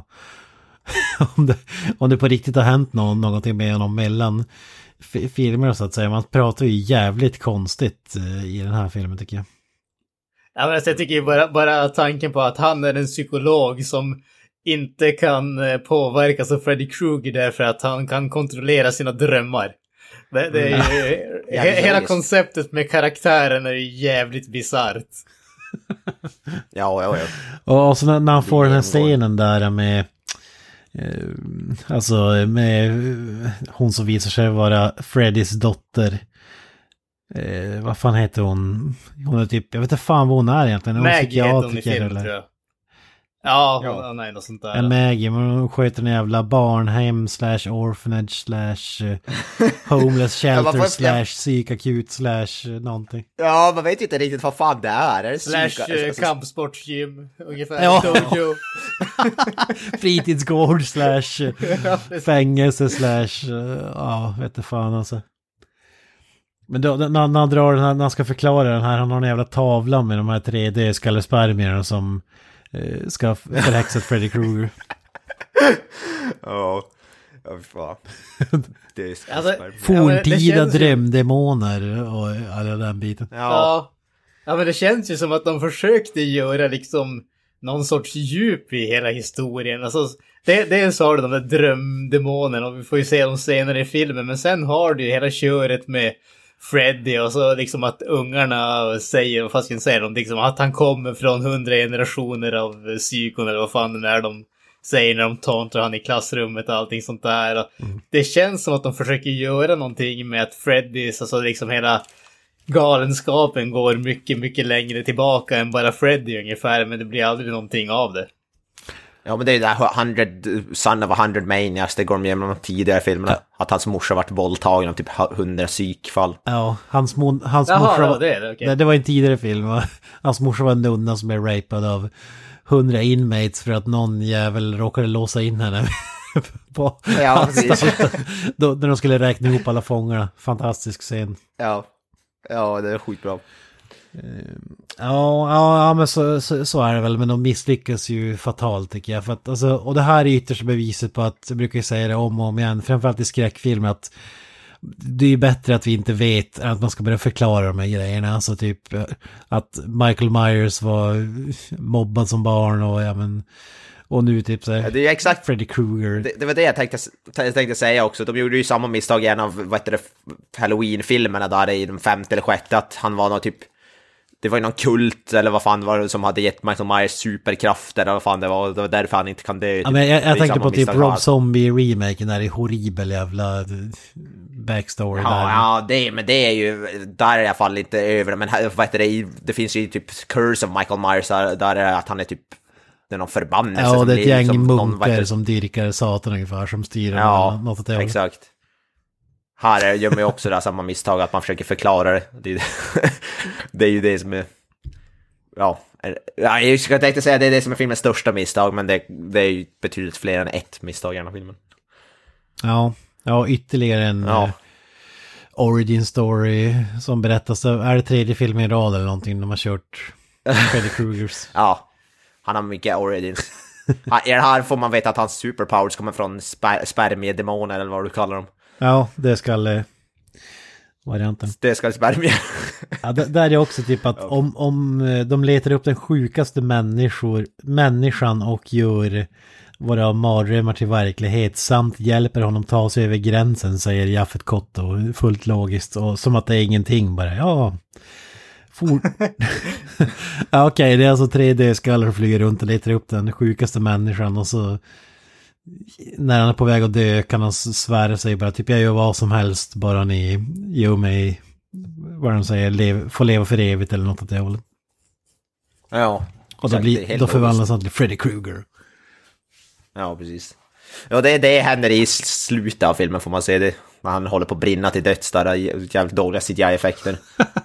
3D, i 3D får man säga. Ja, precis. Men efter den här John Doe då, han vet det, ja, han, han dör ju inte där i början då, så han, far, han kommer till det här jävla hemmet, vad vi nu kom fram till att det var, psykiatriker, shelter, homeless shelter, whatever. Slash, slash, slash. Ja, exakt. ja, precis. Uh, det tycker jag också är roligt när han frågar bara, Do you have a, like, har, har ni några koffeinpiller eller kaffe eller or some coke? Ja. Och så bara, I meant the soda. Ja, ja det, ja, det var faktiskt kul. Ja. ja men det är, också, det är också någon form av polisstation för det kommer en polis och dumpar den där ungen på... Ja, det är så ja, ja det är jävla, det är jävla vad heter det, effektivt att de kombinerar allting i samma byggnad. Varför kan vi inte vi ha något liknande? De borde lära sig. Det är så här tandläkare, pizzeria, bensinmack, eh, allt ett liksom. Ja, exakt. Men då vad heter det, han träffar ju den här eh, Lisa Saint Maggies, heter hon. Hon är någon slags, jag vet inte, hon är någon slags psykiatriker eller hon är typ som, vad heter det, jag vet inte, Nancy Thompsons rollar i Dream Warriors mm, där. Mm. Eller någon typ av sån. Någon typ av sån. Och de, vad heter det, då börjar han ju berätta om sina drömmar och sånt där och då kommer de väl fram till att de ska fara till den här Springwood-staden. Jag vet, kommer inte ihåg exakt hur de kommer fram till att de ska fara dit. Han har väl typ någon minne eller någon drömmar därifrån eller något. Ja, det, det tycker jag också är kul. Han, han minns ingenting om sig själv förutom att det enda jag minns att I was the last survivor. Men han vet, han vet ja, inte vad, eller var, när, hur. Nej. Det är inte att han bara, ja, han, bara, han har överlevt någonting. Han var fiskebåtsolycka, flygplanskrasch, nej, ingen aning. Metallica kom så här... 9-11. Ja, men då vet jag, men de kommer i alla fall fram till att de ska få till den här Spring, uh, Springwood-staden, där vad heter det, där Elm Street ligger. Eh, och de tar ju någon van dit som säger, ja, det ser ut som en rape-van i princip. Ja, alltså den, den såg ju jävligt misstänkt, misstänkt ut om man säger så, måste man ju... Ja, och det är psykiatriker där som kör den, så jag vet inte, ja, det är ju... Ja, det ser inte ut som någonting som kommunen har gett dem i alla fall. Det är en massa klotter och skit på den om jag minns rätt. Alltså. Ja. Jävligt märkligt alltså. budgeten räckte, budgeten räckte inte till för att ge, ge dem någonting bättre. Där får vi jävla biljaktscen också. Men... Han, han, som, han somnar ju han bi- till där i... När han sitter bredvid och börjar drömma och, och så ser en liten tjej på vägen och så ska han kasta sig över ratten. Och så får en jävla dramatisk scen när de sladdar i grus. Ja, ja sjukt, ja precis. De, heter, han somnar och så här, vad heter det, visar sig att eh, de har, eh, det, tre andra från det här hemmet har gömt sig i bilen. Jag vet inte hur de lyckades, tre pers lyckades gömma sig där utan att de märkte det, men ja. Ja, vi har, vi har kört 10 mil. Och så... Med tre pers där bak och sen bara för att de bromsar lite extra hårt och faller alla in i cockpit så att I säga. cementbrädan i princip. Ja, precis. Där är det den här Breckin Myers karaktär, eh, den här irriterade Carlos och så den här karatebruden då. Som sitter där, sitter där bak. Jag vet inte varför de bestämde sig för att följa med. Jag vet inte om de hade varit typ, de, hade, de var uttråkade typ eller något. Ja, det enda de säger var typ, ja, bra idé till roadtrip-mannen. ja, kul idé. Ja. Men då kommer de ju till, vad heter jävla, då kommer de ju till Spring och då kommer de till någon jävla så cirkus eller karneval eller tivoli eller jag vet inte fan. Mm. Där alla är typ på droger eller efterblivna eller jag vet inte vad. Det, det är nog försök till David Lynch-aktig scen där som misslyckas fatalt. Om du tar bort det som är bra med dem, med hans verk och bara har det dåliga kvar, då får du den scenen liksom. Ja, precis. De kommer dit, ingen kan typ, ingen, alltså alla ser i syne, typ pratar med folk som inte är där. De säljer pizza med typ så här kackerlackor på och, och grejer. Ja, för att det, den sta, det är den staden som har tömts på barn. Det finns inga barn kvar, så de blir tokiga när de ser barn i typ 30-årsåldern som det ser ut att vara i den här filmen. Ja, de går ju som, de går ju som eh, omkring alla vuxna där, som att barnen fortfarande är där och de typ interagerar med dem typ och pratar med osynliga barn som inte är där. Det är som står i början av filmen, de drabbas av någon masspsykos av något slag. Ja. Ja, exakt. De är helt borta. Det är väl här någonstans man får Roseanne Barr och Tom Arnold där, det är väl någon av de här scenerna i staden där. Ja. Ja, precis. Det där eh, när de ska gå och ringa och så vad heter det, ser man hur Roseanne Barr kommer upp bakom den där eh, payphonen och liksom börjar stirra på dem. Och sen så när de ser att det är tre stycken så börjar hon liksom ta på dem och krama dem och säga att hon vill behålla dem och sådär. Så kommer ju Tom Arnold och sliter bort henne och... Ja. Ja, just det. Ja. Det är stjärnspäckad cameo. Fan. Och de, de, två, de två var inte bara med i den här Roseanne Barr Show eller vad fan den hette. Sitcom-serien. Den sändes i Sverige också minns jag. Men Ja, jag tror den bara heter Roseanne. Roseanne, tror jag den heter bara. Men Då, hon var ju gift med Tom Arnold mellan 90 och 94. Jaha, ja, Så de var ju ett gift par här dessutom när de gjorde den här cameon. Fantastiskt beslut. Ja, Ja. Men Det inte efteråt. Nej, precis. Det var den här filmen som gjorde slutet. Ja. De bråkade om... Fan, fan Tom! Fan, det var din idé att vi skulle Ja med. exakt, det var det jag tänkte säga. De bråkade om vem som, vems idé det var att förstöra karriären på det här sättet. Ja, precis. Men jag tycker det är, för vad heter det, hon, när hon märker de här tre i, i världen så skickar hon ju hem, jag vet, det förstår jag inte heller, hon säger att ah, ta vanen och kör hem, kör tillbaka till det där shelteret. Så bara, de ska ta vanen och alltså lämna dem där, hon och vad heter den här, vad heter det, John Doe då. Det tycker jag var lite roligt också, hon, det som, de ska lämna dem där och de, de ger dem de här tre väldigt, ja, inte pålitliga ungdomarna ska få ta bilen och köra iväg. Men det var väl det här att det skulle vara för farligt för dem att vara där att uh, Ja. inte skulle utsätta dem mer för fara. Det var någon sån grej. Men det, jag, den scenen tyckte jag var småkul när de, heter det, ska, när de tre ska försöka ta sig ut därifrån och så heter det, somnar han där i baksätet med kartan, heter det, hon ber om kartan där, ska veckla ut kartan och så täck, blir det så, vecklar det ut så mycket så att det täcker som hela baksätet eller vad man ska säga. Eh, det tyckte jag var kul och så sen kommer det upp på kartan står det “You're fucked” står det. Ja, we're fucked men... Ja, ja, Ja, we're ja, fucked. den är jävligt... Och sen när han vaknar så, så sen bara “The map says we're fucked”. ja, det, Det, det tyckte jag var ganska kul faktiskt. Ha, har vi inte haft exakt den grejen i en tidigare film? Eller jag vet att det var på någon kylskåp en lapp. Det står bara “You're fucked” när han stänger dörren. Ja, just det. Jag Ja. får mig att det finns en- kartscen ja. också i en annan film. Eller blanda ihop dem kanske. Ja, men det, fin det, det finns ju någon, det, det var ju förra filmen tror jag, med kylskåpen, när det var en lapp på Ja, kylskåpsdörren. där. fantastiskt. Bara helt random. “You're fucked”. Ja. ja, jag tyckte det var så bara, the map says we're fucked. Underbart. Så det, det tyckte jag väl var, men de, de i alla fall, de kommer ju till någon skola där typ, eller vad fan det är. Det är väl där det Freddy Krueger har gått typ och så hittar de en massa newspaper-klipp. Och en lärare som är helt psykad som står och försöker lära massa ungdomar som inte är där. Ja, just det. Freddy 101. Ja, Freddy 101, ja precis. Jag fattar inte riktigt det där som man höll på att prata om också när han började prata om typ 1946 då kom Freddy och liksom hela den biten. Jag vet inte om det var mer att det var då han föddes Freddy eller jag vet inte. Jag har ingen aning faktiskt. Det var någon tidslinje han drog Ja, upp tid, tid, var inte tidslinjen med hur barnen som har försvunnit eller någonting? Att det var så här tio år mellan... Ja men det började ju som, Granström var typ så här 40-talet, det var ju typ så skit Ja, det var väldigt långt tillbaka i alla fall. Jag vet inte om det var då kanske, det var mer att han skulle vara född Freddy Krueger. Men den här läraren blandade ju, han- ena stunden pratade om Freddy Krueger och sen pratade de om typ så här 1300-talet eller vad fan det är. Alltså, det, det är säkert bara någon random grejer, jag vet inte fan. Ja, ja. Freddy Krueger kan ju inte vara född. Logik. Ja, i och för sig, varför inte? Ja, inte är det väl så konstigt, han är väl ändå säkert i så 40-årsåldern. eller Han var ju någonting. 42 år gammal när de spelade in filmen, vet jag i alla fall. I verkligheten alltså. Ja. Ja, inte är det så, vet du. Jag tror jag vet det, säkert Robert Englund är född där, 40-50-tal någon gång. Slutet på 40.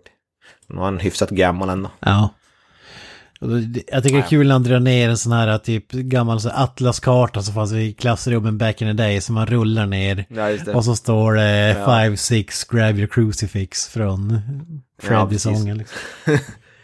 Det läser jag också, det, är, det här är den enda Elm Street-filmen där vi inte får se några ungar som hoppar hopprep och sjunger den ramsan. Ah, Det, är, den- det här är den enda. ja, det, det är för jävligt tycker jag. Det är ändå ett, det känns ju Ja. som en grej som du måste ha med i en Elm Street-film, jag vet inte. Ja, det, är- det känns kännetecken, men det är, till och med det fuckar de upp. Underbart. Fy fan. Men Granströms Ja. favorit då, snubben, eh, döva snubben, Carlos. Ja, hans, hans dödsscen är ju jävligt bisarr. Alltså, jag...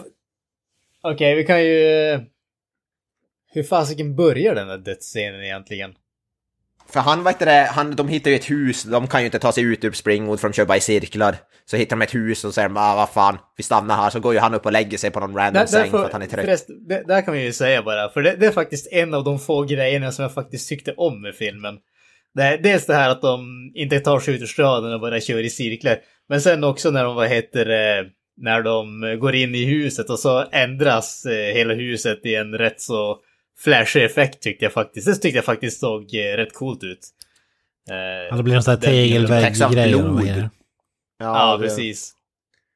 Tyckte jag, Ja. jag tyckte faktiskt om den biten. Det, det, var, det fanns några ändå små såna här typ visuella grejer som jag tyckte var rätt så, rätt så coola. Det var bara att resten av filmen sög. Alltså, ja, men, nu- men de må- kom ju... Jag ska bara säga, må, många av effekterna väl, håller väl ändå hyfsad klass, måste jag säga, med tanke på att det är eh, så, så jävla länge sedan. Alltså så här datagrejerna, alltså visst, jä- jämfört med dagens teknik så är det, men vad vi har sett i de andra filmerna känns det ju verkligen inte som att de har snålat in eller så, utan de har ju verkligen kört det på allvar. Sen det ser för jävligt ut, men det är väl på grund av 3D-grejen säkert i slutet och, och så vidare. Men... Alltså datoreffekterna, du, men praktiska effekter har ju alltid varit rätt bra i Fred, äh, Nightmare on Elm Street-filmer. Ja. Sen använder här horribelt utdaterad CGI. Ja, Ja, alltså n- när han går upp, i, upp från den, eller upp för den eh, osynliga Osyn- trappan, det är ju inte direkt den snyggaste sekvensen. Men, men däremot det här när det, det är någon tjej som eh, reser sig upp ur en tidningsartikel och fan det här, typ de grejerna tycker jag ändå ser ganska, rätt bra ut ändå. Ja. Men typ, ja, så, ja. Alltså, det är helt okej Ja, sidospår, tillbaka till Carlos. Ja, men precis. Hans, han, är ju, vet han har ju någon hörapparat. Och det, det är jävligt mysko där, för han blir, utan den här hörapparaten verkar som att han blir i princip döv. Och ändå har han den bara på ena örat, så det, jag vet inte hur logiskt det där fungerar. Ja, det var ju något med typ hans föräldrar hade misshandlat honom så att han blivit döv eller så, vet jag fan. Ja. Ja, ja, han säger det. För vi har ju den tidigare konversationen med tjejen som jag inte kommer ihåg vad hon säger. Där, liksom, där hon säger liksom att om någon försöker någonting så slår jag tillbaka och han säger typ att jag lärde mig att eh, hålla käften istället när jag tappade hörseln och sånt där. Ja. Ja, just det. Han lärt sig en läxa. Ja, Men är, är det inte bara hans mardröm att bli döv? Är det inte därför han inte hör någonting alls? Alltså i den, för att det är så när Freddy Krueger kommer in i bilden då kör, kör den först en tops genom skallen på honom från öra till öra. och, och, och sen tar det, när han slicear av honom örat, då hör han ingenting. Och det, det tycker jag var så kul ändå när Freddy Krueger springer bakom honom och skriker och hånar honom och så... Fast det, för Ja. oss är det helt tyst, alltså vi... Vi... Vi, vi, vi hör ju det karaktären hör, det vill säga ingenting. Exakt, det, det tycker jag Ja, ändå var precis. nice touch, oväntat i den här filmen. Med tanke på den här Ja. Ja, det är kul. För vad, han somnar ju den här Carlos, vad heter det, i det här huset och då vad heter det, sen vaknar han ju upp och börjar gå omkring så hissar han först sin morsa typ, mamma så, så tar hon fram en jävligt lång topp så kör den genom skallen på honom. Och så heter det, då typ förstår ju hans, hans öron blivit helt punkterade eller hans trumhinna eller vad man ska säga. Och sen börjar liksom, Cred- som ni säger, Freddy Krueger börjar förfölja han och gör så här Han tippar som, han är nästan så här kartonsmygning eller vad fan det är, så där, går bakom han sådär. Och skriker och så överdrivna armbågar. Ja, jag precis. Vi får ju lite fourth wall breaking här också när han eh, visar åt publiken att eh, liksom vara tysta och sådär. Ja, det är så här, det är så här, hyschar. Precis. Ja, det är ganska kul. Och så hittar ju Carlos eh, den här eh, uh, hörselapparaten då som uh, ligger på någon liten uh, träpall och sånt där och stoppar i och så börjar han höra saker och så av någon orsak, och det här fattar jag absolut inte, Freddy drar ut en nål ur typ fingret sitt och håller fram den liksom så att Carlos ska se den och han blir liksom jätterädd. Och så släpper han den och så får vi typ om man har sett sådana här typ gamla filmer där de hade sådana här flygplansbombningar när de släppte de här bomberna fick man ett sådant här ljud. Och så får vi det när den här liksom nålen eh, faller mot eh, Carlos av okänd anledning. Men han lyckas fånga den och liksom andas ut. Och sen håller Freddy fram liksom en handfull med nålar och kastar ut allihopa. Och så får vi exakt samma sak fast typ hundra gånger eh, fler sådana där whoosh-ljud från Ja, bomberna. Jag fattar ingenting väl att av han, det han Freddy Krueger gör ju, vad heter det, han, för han använder ju sina powers så att den här hörselapparaten fastnar i hans skalle och typ förstärker hans hörsel med flera hundratals gånger. Ja, för, för att som det, det är väl så när du har hörselapparat, om du ställer upp den för högt då, klar, vissa grejer, hör, typ om det är mycket folk och sånt där bakgrundsljud, då låter det för jävligt, alltså då blir det som en sprängd högtalare i. Så äh, det är väl någon sån grej de spelar på, skulle jag kunna tänka mig. Ja, men jag Ja, fattar, jag fattar, ja, men det, ja, det, det köper jag, det köper jag absolut. Men det jag inte fattar det är varför den där jävla nålen var så skrämmande. Nej, innan han ingenstans. släppte den. Nej, nej, nej, det är ju- Precis. Ja men det är väl för att det ska lå det låter så mycket när den landar på backen, det är det han vill inte att, han vill väl inte att, att han ska släppa den på marken och så att det låter illa. Det är väl bara det. Ja, väldigt Sen- märklig scen låt- måste jag säga. Vä väldigt märklig scen. Skönt att Men han dör i alla fall, om får- man får säga så. ja men precis. Det, det är ju faktiskt det bästa som karaktären gör i den här filmen. Det är ju faktiskt att det, när eh, alla de där nålarna träffar backen och det blir liksom för mycket och hans huvud sprängs. Det, det Ja. måste jag ju säga. Ja, Det är inte, rikt, det är inte riktigt så han dör. Freddy Krueger kommer ju sen ner där och tar fram en svart griffeltav, Ja, griffeltavla. så. Och så börjar, börjar han gnida på den med sin knivhandske. Bara fr- fram och tillbaka till, eh, till, ända tills hans huvud exploderar. Och gör en lite sensuell dans samtidigt. Ja, ja, det är sjukt sensuellt alltså. Fan, det, det, det är väl lite hett vart det. Ja.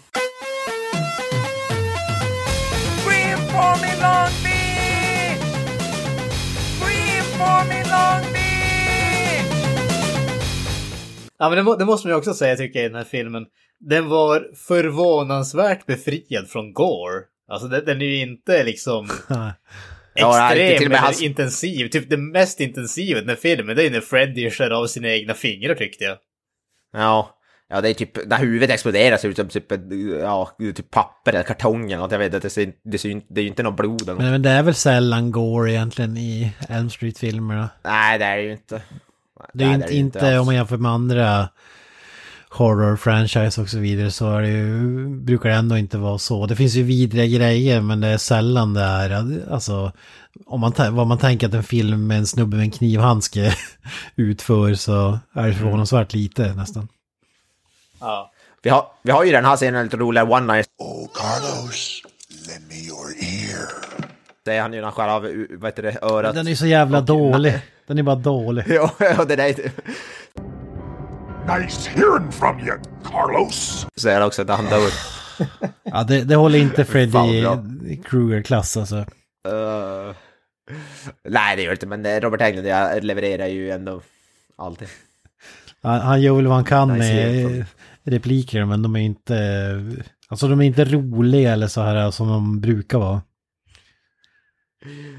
Nej, det, det är ju inga prime time bitch eller något Nej, där. alltså det är någonting som är off med hela den här Förutom filmen. i förtexterna.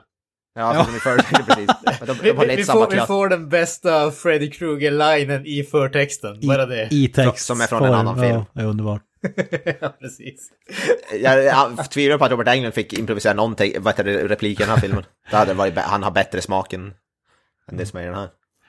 Men vad, vad säger du om Johnny Depps cameo då? Han är med i en jävla kockprogram och typ så här.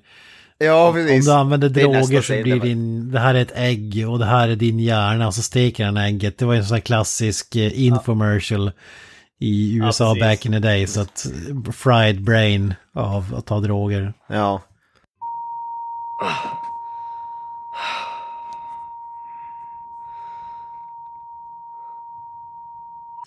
All right, once again. This is your brain. This is your brain on drugs. Questions? Yeah, what are you on? Looks like a frying pan and some eggs to me. Det är Breckin Myers karaktär som ligger, han har, ja, han har tagit lite ganja så att säga och somnat framför tv. Sen i drömmen ser han, för, vad heter det, Johnny Depp på tv-skärmen, så det är ju lite Jag, intressant. jag har ju någon misstanke om att det var en riktig samhällstjänst för Johnny Depp. Att han gjorde någon kombo där, en cameo och eh, samhällstjänst. Kanske tjänade fem miljoner för att vara med i 10 sekunder. Ja, Ja, men jag, jag tänker mig att han hade åkt dit för någon sån här rattfylla eller någonting och var tvungen. ja, precis, du menar så. Ja. precis. Ja. Kan mycket Ja, väl tänka mig det. Ja, precis. Och så tänkte de, kommer folk att se det på tv eller vilka kommer de att se? Kommer fler människor att se det på tv eller kommer fler att se Freddy's Dead? The Final Ja, precis. Nightmare. Och de bettade helt fel på den tror jag. Ja, ja precis. Det största cameon i filmen, Johnny Depp är med i 10 sekunder. Ja. Och, och sen får... Sen kommer ju Freddy Krueger och dödar Johnny Depp och säger något så här “Let's get high” eller vad fan han... Nej, jag kommer inte ihåg vad han säger, men någonting sånt där. Ja, just det. Och då får vi den här äh, acid trip-scenen när han åker in i tv-apparaten, Breaking då. Det är ju sjukt bra CGI. Johnny Depp måste vara en av få som har dött. Blivit dödad två gånger och han söker sig ner i sängen där i ettan. Ja, precis. Det här... Ja, jag vet, jag vet hur han blir dödad den här, men Freddy Krueger kommer att hugga ner honom på något sätt. Men sen bästa scenen i filmen enligt mig i alla fall, eller bästa men den är i alla fall något underhållande, det är ju Power Glove-scenen och eh, Ja. Roadtrip-snubben sugs sitter och spelar, nin, TV-apparaten. han har ju spelat Ninja Gaiden på det här, eh, det var inte Gameboy, det var någon billigare variant, man köpte handhållet spel som bara innehöll ett Master spel. System. Var det inte Ja. Master System? Ja, Ja, eller så det Tiger inprogrammerat Games spel, man kunde väl- det hållet tror jag det Man kunde väl inte byta Ja, det- spel om då, det var som ett spel i en maskin. Ja, precis, sjukt B. Mm. Det är typ Mr. Game and Watch fanns det Ja men Game Watch-aktigt, det, det, så var det ju, Mm. fast lite större än klockan liksom. Mm. Precis, men han sugs ju in i tv-apparaten och är då med inne i ett tv-spel, typ så att side-scrolling, en- åtta bitars NES-spel typ. Och så sitter Freddy Krueger med en sån här joystick och, och, och spelar. Now I'm playing with power. För det är det jag hade kommit ihåg, det är ju då vi får den här Playing with Power. Det är ju de två scenerna som separata, vad heter det? Han, för, han säger ju inte Playing with Power när han har Power-gloven. Det var det så jag kom ihåg det, men det var det ju inte Nej, riktigt. nej jag, jag har också blandat ihop Playing det with... ah. Så sitter han med joysticken där, Playing with Power. Och så, det tycker jag, det är ju roligt. Sen säger han ju även äh, scener, han sitter bara mm.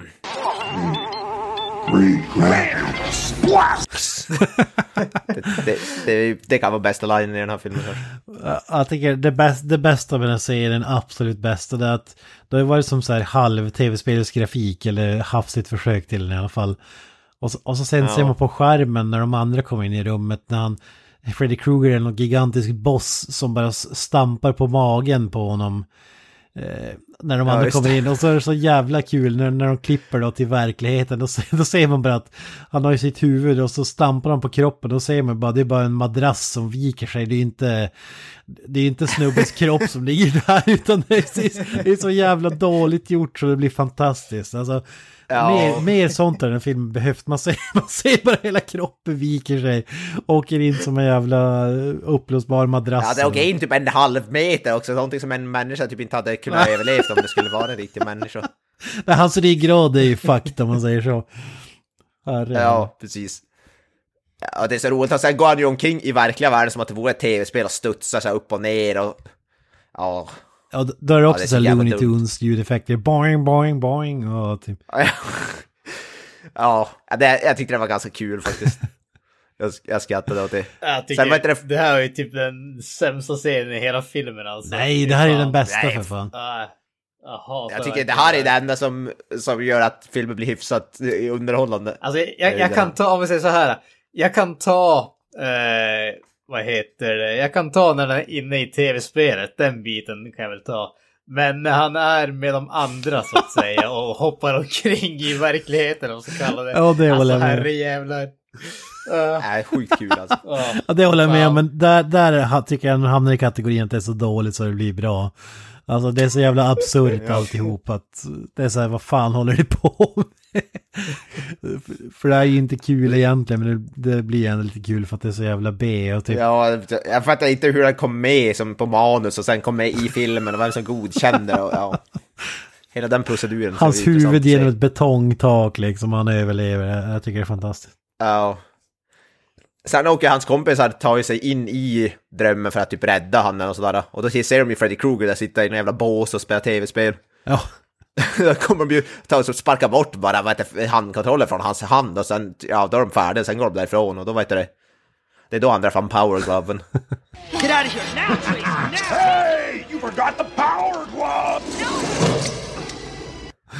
fan att, att de inte Ja, fick rightsen till att använda den riktiga Power Glove, Nintendo. För det fanns ju en handske som man spelade Ja. med, som var en kontroll. Eh, Ökänt usel. ja, precis. Och det är det han säger, you forgot the power glove och så håller han upp sin egen handske typ och så har han så här kontroller på den. Och då jag läste på Triv, de hade inte rättigheter till ens, vad heter det, power, eller de hade inte rättigheter att vad heter, det, göra narr av power glove eller vad fan de sa, det stod eller något sånt där. Fan vad synd alltså. Så ja, förmo förmodligen hade de inte rättigheter att använda riktiga powergloven heller skulle jag väl misstänka. För det hade ju kunnat lyfta den här scenen till något minnesvärt om de hade haft... eh, Riktig Ja. powerglove. Ja, ja men det, det hade ju... det, det hade gjort hela skillnaden. Ja men det, det hade ju tillfört någonting. Nu är det bara en sån här rostig plåtgrej han har på armen med en spak och någon knapp. Alltså... Power, power Glove-repliken faller ju platt när du inte ens har en Power Glove. Den har ju funkat om man hade dödat någon med en Power Glove, men... Det är ju bara en fake. Jag vet, de kanske ville incorporate så att det ser ut som hans handske men att det är en powerglove också. Ja men det är det jag menar. En Power Glove med knivar längst ut. Det hade ju varit magiskt. Ja, ja, kanske. Men de som sagt, de hade väl inte rättigheterna eller något, jag vet inte. Det var något sånt. Nintendo är sparade den till Super Mario Brothers-filmen så, så att säga. Ja, precis. Super Mario vs. Freddy Krueger. Ja. Vi ska inte bli så långvariga, men det finns några, det finns ju den där scenen, men den scenen du tog upp lite tidigare Kent, där han vad heter det, där han med fallskärmen och spikmattan, där han puttar den som, vad heter det, gråben och julben och vad det är. Det är typ efter den här, det är då, det är då han dör, den här John Doe. Det är då han får reda på att han är inte Freddy Zone. Och han hänger i någon jävla fallskärm i sin dröm och så kommer Freddy Krueger och skär av banden på den. Och efter han gjort det så har han sen på backen och puttar en spikmatta under han så att han landar på den. Ja. Det är också en jävligt märklig scen. Ja, ja den är ju bara... Ja, fy fan, utan finess Ja. eller någonting också. Ja, nej. Och så gillar när han Nej, dör, han, han har insett att det är inte han som är son och bara... Och så ska han säga till tjejen och få henne att förstå att det okej, han hade inte en son, han hade en dotter och så bara... It, Ja. it was not a It was- son. Uh, uh. Ja, it was not a boy. Ja, was it's not a boy. Det var det bästa sättet han kunde kommunicera det på. Vad är det då? Vad är det då? Ja, Det, det är ju någonting som blir mer och mer osäkert för var dag som går i detta Ja, precis. Man kan, man kan ju inte vara... Du kan ju inte, vad heter det, du kan ju inte säga vad någons kön är. Det fan. kanske, det kanske var det som var framtidsvisionen här, att det var någon som såg framför sig att det, det, det är så det kommer vara i framtiden. Ja, Det, precis. det, var, det, var, det är hela orsaken till att den var tvungen att utspelas tio år i framtiden. Det var för att de visste hur världen skulle se ut, så de var tvungna att göra det för att det skulle vara ett mysterium. Ja, ja, precis. Man kan ju inte anta någons, man kan ju inte anta någons kön, för fan det är ju för jävligt. Ja, det finns ju mer än två i alla fall, Det- så mycket det kan man säga. Ja, ja, ja, helvete. Det finns ju både det fjärde och det femte och det sjätte könet. Ja, alltså jag, jag pratar inte om någon annan än mig själv, men jag blir väldigt upprörd när folk pratar om min manliga penis. Min penis är jävligt kvinnlig. jo, jag vet, jag, jag såg den i morse. Ända från Luleå. Den är så Nej, jävla stor. Det, det, alltså, Jag tänkte, jag tänkte mest att den här selfien, du, den här selfien som du brukar skicka till mig varje morgon. Morgonselfiesen. Ja, exakt. Absolut. Underbart. Eh, Ja, vi har ju, förutom det så har vi, får vi lite mer Robert Englund utan smink. mm. Eh, där är någon flashback. Bland annat får man ju se när han dödar, vad heter det, vad heter hons mors, eh, hennes morsa då, den här, eh, vad heter det, dottern hans då. Vi, vi får, det, det kan man ju säga. Alltså vi får ju flashbacks till de här förträngda minnena som psykologen Maggie har ungefär. Och då ser vi ju som sagt Freddy utan smink och hans fru. Och hon har uppenbarligen hittat någonting som är inkriminerande om vi säger så. Och eh, han tappar eh, kontrollen i stort sett och säger åt, vad heter det, lilltjejen att gå in i huset, vilket hon gör. Och sen så hon går in i ett litet rum och säger hon att han har en massa sådana där eh, handskar med knivar och spikar på och sådana grejer. Och sen går hon ut igen och ser att uh, farsan har dödat morsan helt enkelt. Ja. Ja, det var jävla, han var lite inte glad. Hon var nere i källaren bara och så jävla slå, hon slår ihjäl hon mot ett träd typ. Genom att dunka skallen hennes om och om igen mot ett trästam. Men där, där får vi även veta att Freddy Krueger har levt som Dexter i tv-serien där. Dex- Dexter kanske är origin storyn till. Han, hans nära och kära har ingen aning, han lever ett vanligt liv. Men är en seriemördare vid sidan av. Det är fantastiskt. Ja, precis. Han är John Wayne Gacy. Ja, Ja. Vi har även kommit fr- fram till tidigare film att han är även är Jesse Pinkman i Breaking Bad. ja, Han har jajamän. många personer, den här Freddy Krueger. Många origin stories. Nu har han Dexter också. Ja. Ja, fan. Det är då också det där att han säger att han ska börja om i en helt ny stad, Freddy Krueger. Han pratar med, vad heter hon, den här, hon heter Catherine, tror jag, något sånt där egentligen. Hennes riktiga namn. Och då säger han “Every town has an Elm Street” och så kommer det upp en Elm Street-skylt bara i någon random stad där. Ja, herrejävlar. Ja. Och så får vi ju kung fu eh, tjejen dör. Ja, precis. Kung fu this bitch. Den är faktiskt, den är faktiskt bra. det var precis, det var faktiskt ganska bra. Kung fu this. Och så har vi sen Jaffet Kotto-scenen där när han slår med på, vad heter Freddy Krueger med ett trä, baseballträ i skumgummi. Ja, det är ju fantastiskt alltså. Det är inte det hårdaste Okej, det- baseballträet man har sett alltså. Nej, de, de klipper inte ens bort det där, man ser hur tydligt hur det som böjer sig när han slår han med det. Det var jävligt kul. Det det var ju där han visade att han var med i en liksom skräck-actionfilm. Jeff Cotta, han visade sina actiontakter liksom. Ja, precis. Jag tycker, där tycker jag det är roligt när Freddy Krueger räknar upp alla sätt när han som han blev dödad på, han håller upp fingrarna och skär av sina. Så bara, "The- first they tried to burn me. Och så bara, "Shh." Och sen håller han upp mittenfingret där, and they even tried holy water. Och så håller han Ja. upp. ja men det, det är väl typ det som är kul med det, att han visar, ger publiken fingret. Ja, ja precis. Eh, den scenen, sen har vi ju 3D-glasögon, det väl här någonstans 3D-glasögon-scenen kommer också. Fy fan så jävla märklig scen. Alltså, briljant på ett sätt att det är ett eh, sign till publiken att okej, nu är det dags att ta på er 3D-brillor. Ja, Det verkar inget sätt i filmen Nej, dock, ta, ta, på dig 3D-glasögonen när du kliver in i Dreamworld för att vad var det? Då, då kunde hon se igenom hans deceptions tror jag var. Alltså, Ja, typ. Jag kunde se genom illusionerna. Jag fick gott och gärna ett par sådana här, till och med hon skrattar ju åt det i filmen när hon får dem typ. Ja, han, han säger bara. att i våran värld så är det bara 3D-glasögon, men i drömvärlden kan det vara vad som helst ungefär. Ja men typ så här 3D-glasögon idag kan vara ganska hyfsat respektabla, så här plast, det ser nästan ut som vanliga glasögon när du tar på dem. det är de här fladdriga jävla pappersbrillorna som sitter snett som fan på henne i ansiktet också. Det ser för jävligt ut alltså. Röda och Det- gröna precis. plastglas. Det, det ser ut som de där uh, 3D-glasögonen man fick med när man köpte sådana där uh, typ magasin när man var uh, barn med dinosaurierna. det, det, det är den typen av 3D-glas. Exakt. Tydligen, jag läste också, det finns någon version av den här filmen, typ DVD eller VHS eller någon levererades med ett par sådana där, eh, eller två par sådana glasögon. Jag tror det är. Laserdisken som är den enda som har 3D utgi- utgivet förutom bio. Men om det inte kommer någon på senare år. Ja, ja, ja fy fan, Laserdisc, det är fina grejer. ja, alltså. ja. Fan. Skivor stora som LPs. Ja men det, ja, precis, då ska, man, då ska publiken ta på sig glasögonen när hon gör det sen i drömmen då. Ja, för, för det, är, det är ändå lite schysst med publiken för att den där är ju känd som huvudverks 3D-glasögonen. Alltså, det- är ju inte bra 3D. Alltså du kollar inom ett rött öga och ett blått öga och så blir det någon jävla hafsig... Hur fan var det fungerande när de gjorde filmen? De la på ett filter i princip på rutan och så, det är väl typ bara det som var grejen. Det, Det- var ingenting de filmade. Du, du lägger på ett filter, det är det som är grejen med färgerna. Så att du får två stycken eh, olika bilder så att säga. Så att en ögas, ena ögat ser en bild och det andra ögat ser en något annorlunda bild. Och sen när det sätts ihop i hjärnan då får du en bild som är i 3D men färgerna är helt åt skogen. Ja, precis. Det ser ut som att man kollar det i, på det genom typ en, en sån här, vad heter det, badrumsruta eller vad det är. Sån där suddig, så man ser knappt vad som händer typ. Nej. Så, så att, och så ser du så här många så här obvious scener när hon som kommer in i drömmen, för hon håller som handen framför ansiktet sådär fram och tillbaka för att bara illustrera, kolla det är 3D. Jag kan ju säga, jag fattar ju inte att den här filmen ursprungligen hade varit i 3D.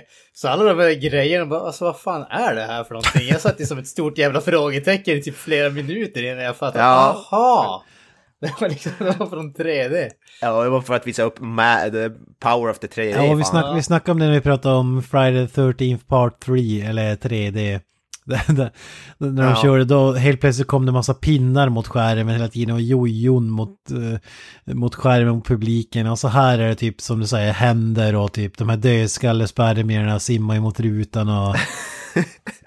Ja, de där grejerna, bara för att ska få lite 3D och det där håller i sig i 3D än idag skulle jag säga. Det är ju många så här scener som bara någon kastar Ja, en ja. yxa mot skärmen eller någonting eller vad fan det nu vad som helst. Det, Ja, precis. Ingenting som försöker bara få det... Bara gimmick De vill bara visa upp det. Ja, precis. Ingenting annat kan man se att det är i 3D, så måste man ha någon scen som visar det. Och kolla, det här är så 3D, det är så, så coolt. Nej, jag skulle bara säga att det känns ju verkligen som att 3D har ju kommit och gått typ x antal gånger i filmhistorien. Men Mm. det har ju som aldrig stannat kvar för det har aldrig gjort någonting bättre än liksom utan 3D. nej, än, än idag är det, ju- det är ju inget som förhöjer upplevelsen om man säger så. Nej. Jag vet inte fan hur den här filmen kom ut, var det väl ingen som var speciellt imponerad av den här filmen, kan jag inte på, tänka mig heller. Jaws 3D, det kom den före eller efter? Jag vet inte om de håller det emot. Ja, men de- den var väl revolutionerande ändå. Men det här med 3D-glasögon tycker jag ändå är lite coolt där, för hon kliver ju in i the mind of Freddy Krueger. Eh, Man får säga liksom Freddy Ja, Kruegers hjärna, hans eh, ledningar och grejer och eh, allt som rör sig där inne. Det är en ganska rolig idé ändå, tänker jag. Ja, ja, en rolig idé, kanske på papper möjligtvis. Men vi har ju, sen har vi ju, kommer vi till den kanske bästa, vad heter det, cameon. En av de bästa cameos i, vad heter det, hela franchisen. Det är sjukt badass. Vi får ju tonårs-Freddy, som är nere i, vad heter det, någon källare där och... Ja, vad fan håller han på att skära sig själv typ? Ja. För, för han, i tidigare filmer så slår han ihjäl någon jävla marsvin med en hammare i skolan typ. Och sen... Såklart, alla slasher-mördare bör- börjar ju som, vad heter det, djurmördare när de är Ja, så små. djurplågare. Det är ju så i alla sla... djurplågare, precis. Det är det som är i- alla filmer som någonsin har gjorts där någon är mördare så börjar det alltid med att de dödar och torterar djur när de är små. Det är ju dock ganska vanligt i verkligheten också. Ja, faktiskt. Ja, det kanske är. Det- men, det- det är ju men typ- i alla fall... Inte för att man ska dra några paralleller i stora drag, men det är ju typ döda djur och så är det typ att eh, pissa i sängen i liksom orimligt hög ålder. Det är typ de två grejerna som är typ extremt vanliga bland typ seriemördare och sådana saker. Fan, nu är det mycket som make sense om ditt liv här, Granström. Fan. Och jag pissar ju i sängen fortfarande. Säger du att det är fel? Ja, det är det jag menar. Och du, när jag, sist jag var hemma hos dig så var det ju döda djur överallt. Ja, men alltså grejen är ju det att när du är här då kan jag ge dig en golden shower. När du inte är här då är det bara att jag pissar i sängen. Det är inte så jävla häftigt. Men jag menar, man måste ju Ja. göra det man måste göra. Ja, det är i och för sig, that's a good point. Ja, fy fan. Ja, fan. Humor, gull. Ja, men vi får i alla fall Golden eh, cameo. Ja, golden shower, det är fyra grejer. Shout out. Shoutout. Hela golden shower community. Shoutout till R. Kelly. Ja, Orkel. Shoutout Det till han alla håller på- 14-åriga tjejer som blir pissade på. Ja, precis. R. Som han Kelly. håller instängd i sin källare, det är det de håller på med där. Sina harems. Ja men tillbaks till scenen där Alice Cooper knappt orkar svinga ett bälte. Det ser ju för taskigt ut nu. Ja, precis. Tom och Freddy står och, står och skär sig själv i en källare. Freddy Krugers farsa kommer ner och är spelad av, ja, man behind the mask himself. Mr. Alice Cooper. Att han gör en cameo här och inte i, vad heter det, Fr- Friday the 13th, det är part 6. Det är ju Han, han gör ju en liknande cameo i 50 Shades of Grey när han kommer in och piskar en, en snubbe där. Ja, precis. Han kommer in och piskar. Det är han som piskar den här snubben. Ja, ja precis. I Men det är Freddy. Krueger, eller Alice Cooper utan smink.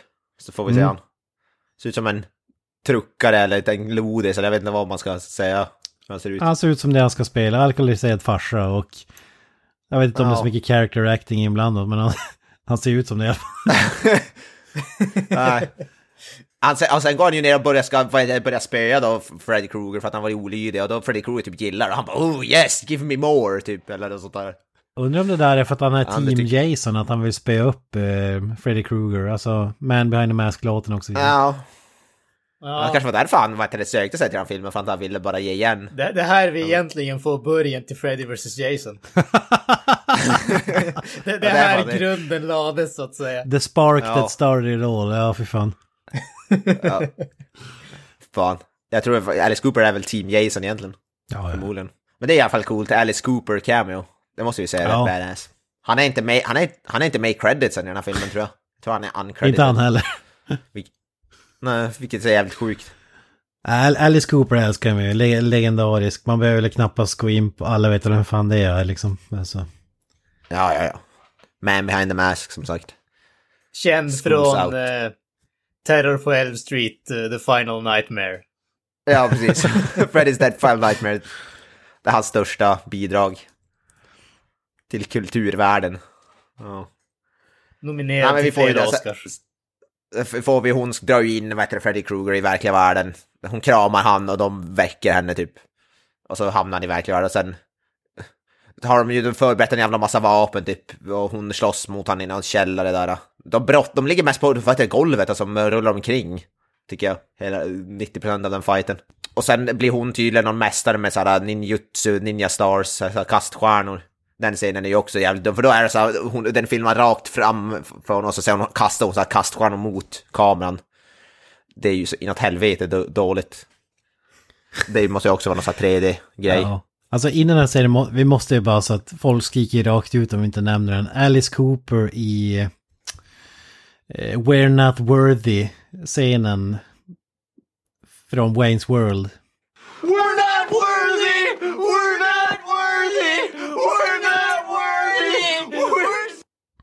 Fantastisk jävla cameo. Ja, ja, När de går ner på knä och, och Ja. ja. Den, måste, den är ju värd en Oscar måste man ju säga. faktiskt inte sett Wayne's World om jag ska vara helt. Men, men det jag gillar med den där serien med kaststjärnor, det är så jävla random för att det är ett skåp där, där de bråkiga eleverna eller intagna eller patienterna eller vad fan det nu är. De har ju samlat alla, alla deras Ja, det, vapen i ett skåp typ. Jaha, nu hittade jag en typ nunchaka igen. Så släng den, släng den i källaren bland de andra vapnen liksom. Ja, precis. Ja, de har ju grejer från ungdomarna hela tiden och den är fylld med typ pipe bombs och det är kaststjärnor och... Jag undrar vad fan de, de, de håller på med på det där jävla hemmet. Ja, men alltså det, det, det, det är ju verkligen den där äh, extrema biten också, liksom när de säger att ja, polisen ska komma och hämta grejerna, men liksom meanwhile så har de bara pipebombs och rörbomber i liksom Ja. skåp Ja, som bara precis. står där. Ja, Det- med det jävla arsenal. Det absolut bästa med den här serien, det är så fantastiskt. Typ Jaffet Kott och de här, alltså, de är som instängda i en bur och man ser först vid dörren där så jävla stora hål att han kommer in typ med halva kroppen ungefär. Han som kommer in med benet, med armen. Och ändå ska den här Ja. tjejen ta sån jävla tid och sprätta upp något jävla stängslet där på sidan så att de kan skicka in en kniv. Alltså hon hade bara kunnat räcka den genom eh, hålen där för, som, som Kotte kör med. Och jag älskar ju även att hon tar ut en superstor eh, kniv först. Men han säger typ, nej men lägg tillbaka den där. Så tar hon typ en smörkniv och skickar in till henne för att besegra Fredrik Krueger. Det känns ju också konstigt. Det är logiskt som fan. Uh, fan. Ja, vi har i alla fall, de, har ju så här showdown med Maggie och Freddy Krueger när hon, som sagt, han kastar fast kaststjärnor så att han fastnar i väggen typ. Ja, och hon bryter av han handen på ett ställe också, så... Ja, så märkligt. Och sen ska hon ta på sig handsken och så ska han säga typ let, let daddy show you how to use it eller fan det är. Ja, för det är det som var grejen med hela Ja. filmen. Han vill att hon ska ta över hans eh, roll på något sätt. Ja, typ.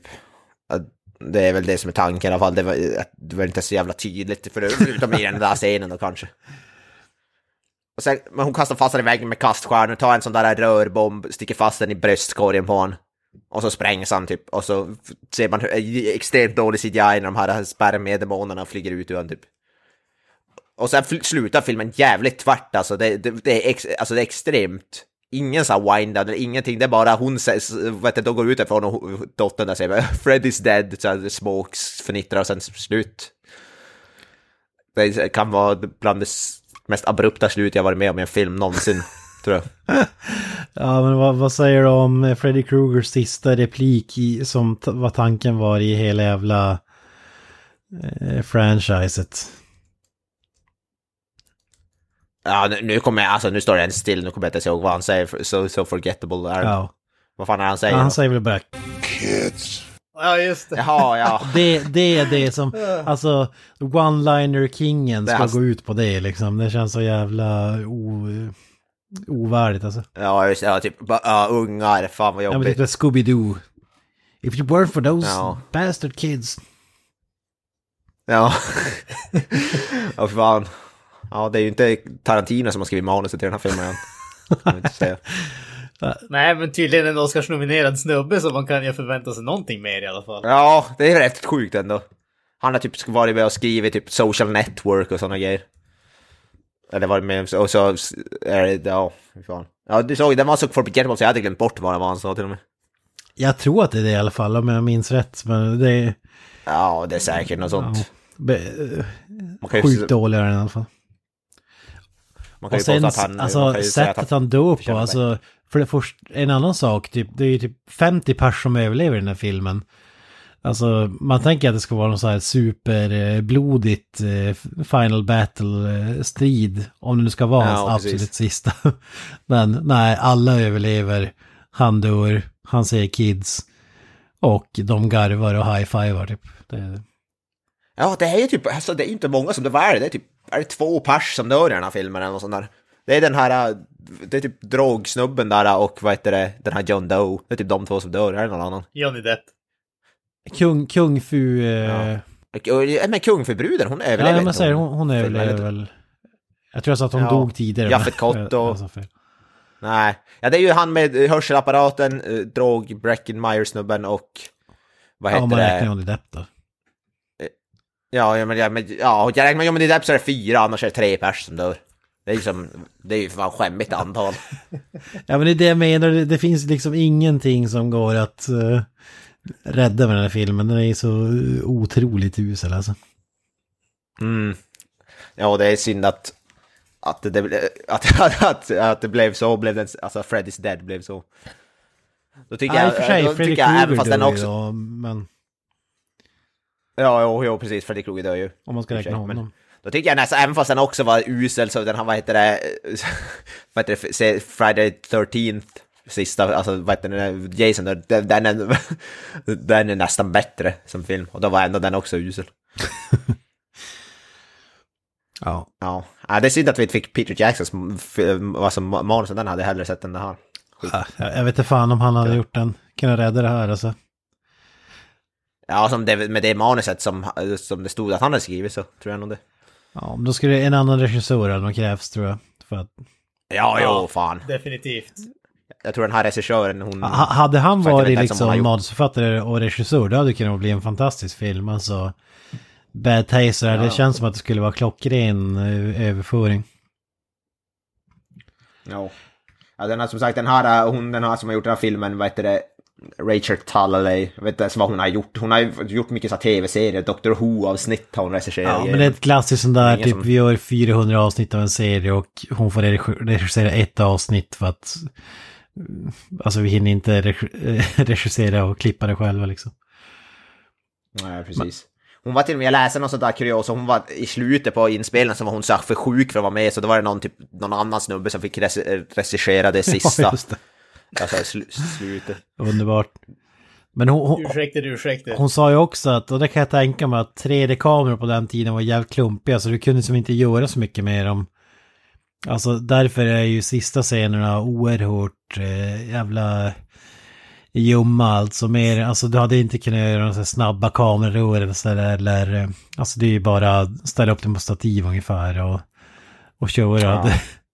Det, det, hade ju inte räddat filmen i sig men det är ju som en bidragande faktor till att det blev så tråkigt slut tror jag. Ja. Säkert. Det, det är en av de här producenterna bakom Aaron Warner, han regisserade de sista timmarna eller vad fan det var i alla fall en sån film. Hon var så sjuk. Ja. Ja, men om man ska ge någonting, om man ska ge någonting till den här filmen så gillar jag ändå det här att den är ju som en who did it film, typ vem är mördaren fast eh, vem är barnet? Alltså, för all, alla karaktärer i Ja, filmen har ju ingen aning, känner ju inte deras föräldrar på något sätt. Alltså det är ju som genomgående tema, så vi ska som tro okej det är han eller det är hon, okej det är Jaffet Kotto som är sonen liksom. eh. ja, jag fick gott där. Freddy Kruegers son. Alltså det, det, det där, den här filmen som sagt, den har ju en massa sådana där typ logiska hopp om man säger så. Jag kommer inte ihåg att vi fick någon förklaring till att det var liksom eh, Krugers barn förrän John Doe säger att jag lever för att eh, jag är Krugers unge så han vill inte döda mig ungefär. Jag kommer inte ihåg att jag fått någon lead-up till det där. Ja, ja men, den, ja, men det har det väl ändå varit. Det var ju de här teckningarna och alla de där grejerna. Det var väl innan det...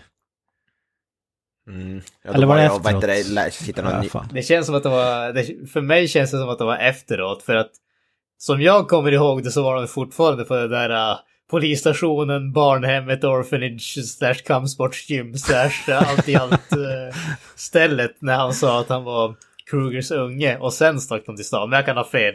Jag måste erkänna att kronologin i den här filmen är inte min starka sida. Det känns som Ja. att allting flöt ihop. Ja, som sagt, jag har glömt filmen. Jag har sett den två gånger nu på tre dagar. Jag har glömt den redan. Alltså, det säger allt. Och alltså så, så här små grejer som typ Freddy Krugers makeup i den här filmen ser för jävligt ut också. Den har ju sett bra ut. Ja, det är den här och förra filmen. Den har ju som, alltid sett bra ut. Och här ser den bara ut som en plastfilm som har stoppat på. Alltså det ser skitmärkligt ut. Ja, man, man att trodde att då- förra filmen skulle vara den sämsta, men det är ju den här. Ja, nej, den blir ännu sämre den här. Och det är så konstigt. Det är som bara använder för typ första, alla första närmare ser ju skitbra ut. Och så blir det, är som blivit sämre och sämre med varje film i princip. Det är så, så konstiga grejer. Det är som att de, ja, jag vet inte varför man ändrar sånt. Man ser för jävligt ut Freddy Krueger i alltså, den här. Och jag kan inte riktigt förstå varför. Nej, nej, fan, speciellt med tanke på att hela filmen i övrigt är magisk så är det ju jävligt märkligt. Ja, jo, det, är ju så. Hur, hur fan kunde de, på en sak kunde de, vad heter det, fucka upp? Ah. Ja, nej, det har ju inte gått åt rätt håll så att säga. Det är som att de får mer pengar så sämre blir det på något sätt. Ja, fast det, det, en grej är ju som man kan, den filmen som kommer efter den här, New- Wes Cravens New Nightmare, det är en riktigt bra film, det är en av de bästa i franchisen, så det går spikrakt uppåt efter den här. Vilket är, Ja, det är ju svårt att gå neråt. Ja, ja, det är det. Men den är genuint, en genuint bra film, den är nästan, alltså, det, det är den bästa efter första filmen, är, skulle jag säga i alla fall. Jag tycker den är riktigt bra. Så det, det har bra grejer att se fram emot, så, så, så, så att säga. Freddy vs Jason har vi pratat om, och sen har vi remaken, hade vi väl tänkt kanske gå Jag vet inte, jag är inte superförtjust i remaken, men den kanske är värd att ta upp i alla fall. Ja, ja, absolut. Med Jackie Earl Haley, men i alla fall, ja, vi behöver inte prata mer om den här filmen. Även fast det blev ett jävligt långt avsnitt då, det blev mycket längre än vad jag trodde det skulle bli. Men, ja. Skit kan man prata om länge tydligen. Uppenbarligen. Alltså, det måste man ju säga. Alltså, som sagt, bortsett från några små coola visuella grejer så den här filmen är ju ohyggligt dålig. Alltså det, det, Ja, ja. Det är det, det går fan inte att komma ifrån det. Det, det är... Usch. Alltså, det, det här är en sån där film där man verkligen börjar fundera på hade de ingen aning om hur dåligt det skulle bli när de gjorde filmen? Nej, jag vet inte hur man inte kan se sådana där saker när man gör filmen. Alltså, ja. Det är ju den här och Mindhorn som hade det problemet. Ja, alltså jag förstår, jag förstår på ett sätt, det är svårt att sålla liksom med den här genren. Det är så mycket dravel som, ibland blir det fantastiskt och ibland blir det bara en soppa. Alltså, om man säger ett manus med, till en Elm Street-film kanske inte känns som en Os- Oscarsrulle, men ja, Nej. det känns ju verkligen inte som att det är någon som har haft kärlek till franchiset som har gjort det. Jag, alltså, möjligtvis Nej. den som klippte ihop highlights-klippet där i end creditsen när eh, det är klipp från de andra Ja, filmerna. Ja, det kunde vi säga, men det spel... Ja, men det är faktiskt För det. att är Iggy Pop... Iggy Pop-låten spelas över en massa montage från tidigare Ja. filmer. Det kan man ju säga också. Bara tanken att det här skulle vara absoluta, absoluta slutet, det är så jävla... Det är fan provocerande alltså. Ja, jag vet inte riktigt hur det gick ihop där. Jag kan inte tänka mig att folk, alltså typ Robert Englund, han är ju ändå en, eh, obviously en man som kan, kan säga saker. Jag kan inte tänka mig att han blev nöjd med den här filmen oavsett vad han sa back in the day. Nej, nej, nej, fy fan. Men frå frågan är ju hur länge han sa det där. Som sagt, han sa att det var hans favoritfilm i serien, men var det någonting han sa när den släpptes, när de gjorde den, eller var det någonting han sa typ 10-15 år efter, efter effect? Nej, nej, när det, nej, det var ju reklam, eh, reklam behind the scenes när filmen släpptes. Ja. Ja. Han var väl förmodligen contractually obligated. Eller. Ja, det är svårt att toppa. Den har bara toppats fem gånger tidigare av alla andra filmer. Ja, nej för fan. Som sagt, vi, vi, går, vi, vi blickar framåt istället. West Cravens New Nightmare, när det nu blir. Det blir väl om några månader eller något, jag vet inte när. Men det blir bättre i alla fall, kan jag väl lova. Nej, men jag vet inte. Jag tycker vi inte behöver prata oss mer vid det här. Jag ska gå... Gå, d, d, gå och drömma om något annat. Nå, nå, ha, någonting. Mina mardrömmar är förmodligen mer intressanta än den här Ja, filmen. nu, nu har vi gjort bort den här skiten i alla fall. Ja. det känns ju bra. Som Ja, sagt, precis. vi blickar framåt. Vi blickar framåt, ja precis. Mindhorn 2 kommer upp. Får vi verkligen inte hoppas. Nej, fy fan. Dröm för samtliga. Åh, fy fan vad hemskt. Nej. Nej, men vi drar väl, eh, ja, någonting i säcken. Vad fan det här nu Alice ska vara. Cooper måste det bli. Vi, vi drar Alice i Alice Cooper. Coopers säck. Ja, Ge den en golden shower. ja. ja, jag ska gå och dra en golden shower nu innan, efter inspelning. Eh, ja, men uh, ja, gott folk, ni har lyssnat på Creative Melta Podcast. Eh, vi finns på sociala medier, Facebook, Instagram, Twitter och så vidare. Uh, Vår hemsida är creativemeltdownpod.wordpress.com. Eh, jag heter Joakim Kruger. Eh, jag säger peace out bitches. Och så slänger vi över bollen till Skellhäll, kanske. Ja, jag får väl säga samma som jag sa, sa i Resident Evil-avsnittet. Hail Alice. School's out. That's it, man. Game over, man. It's game over.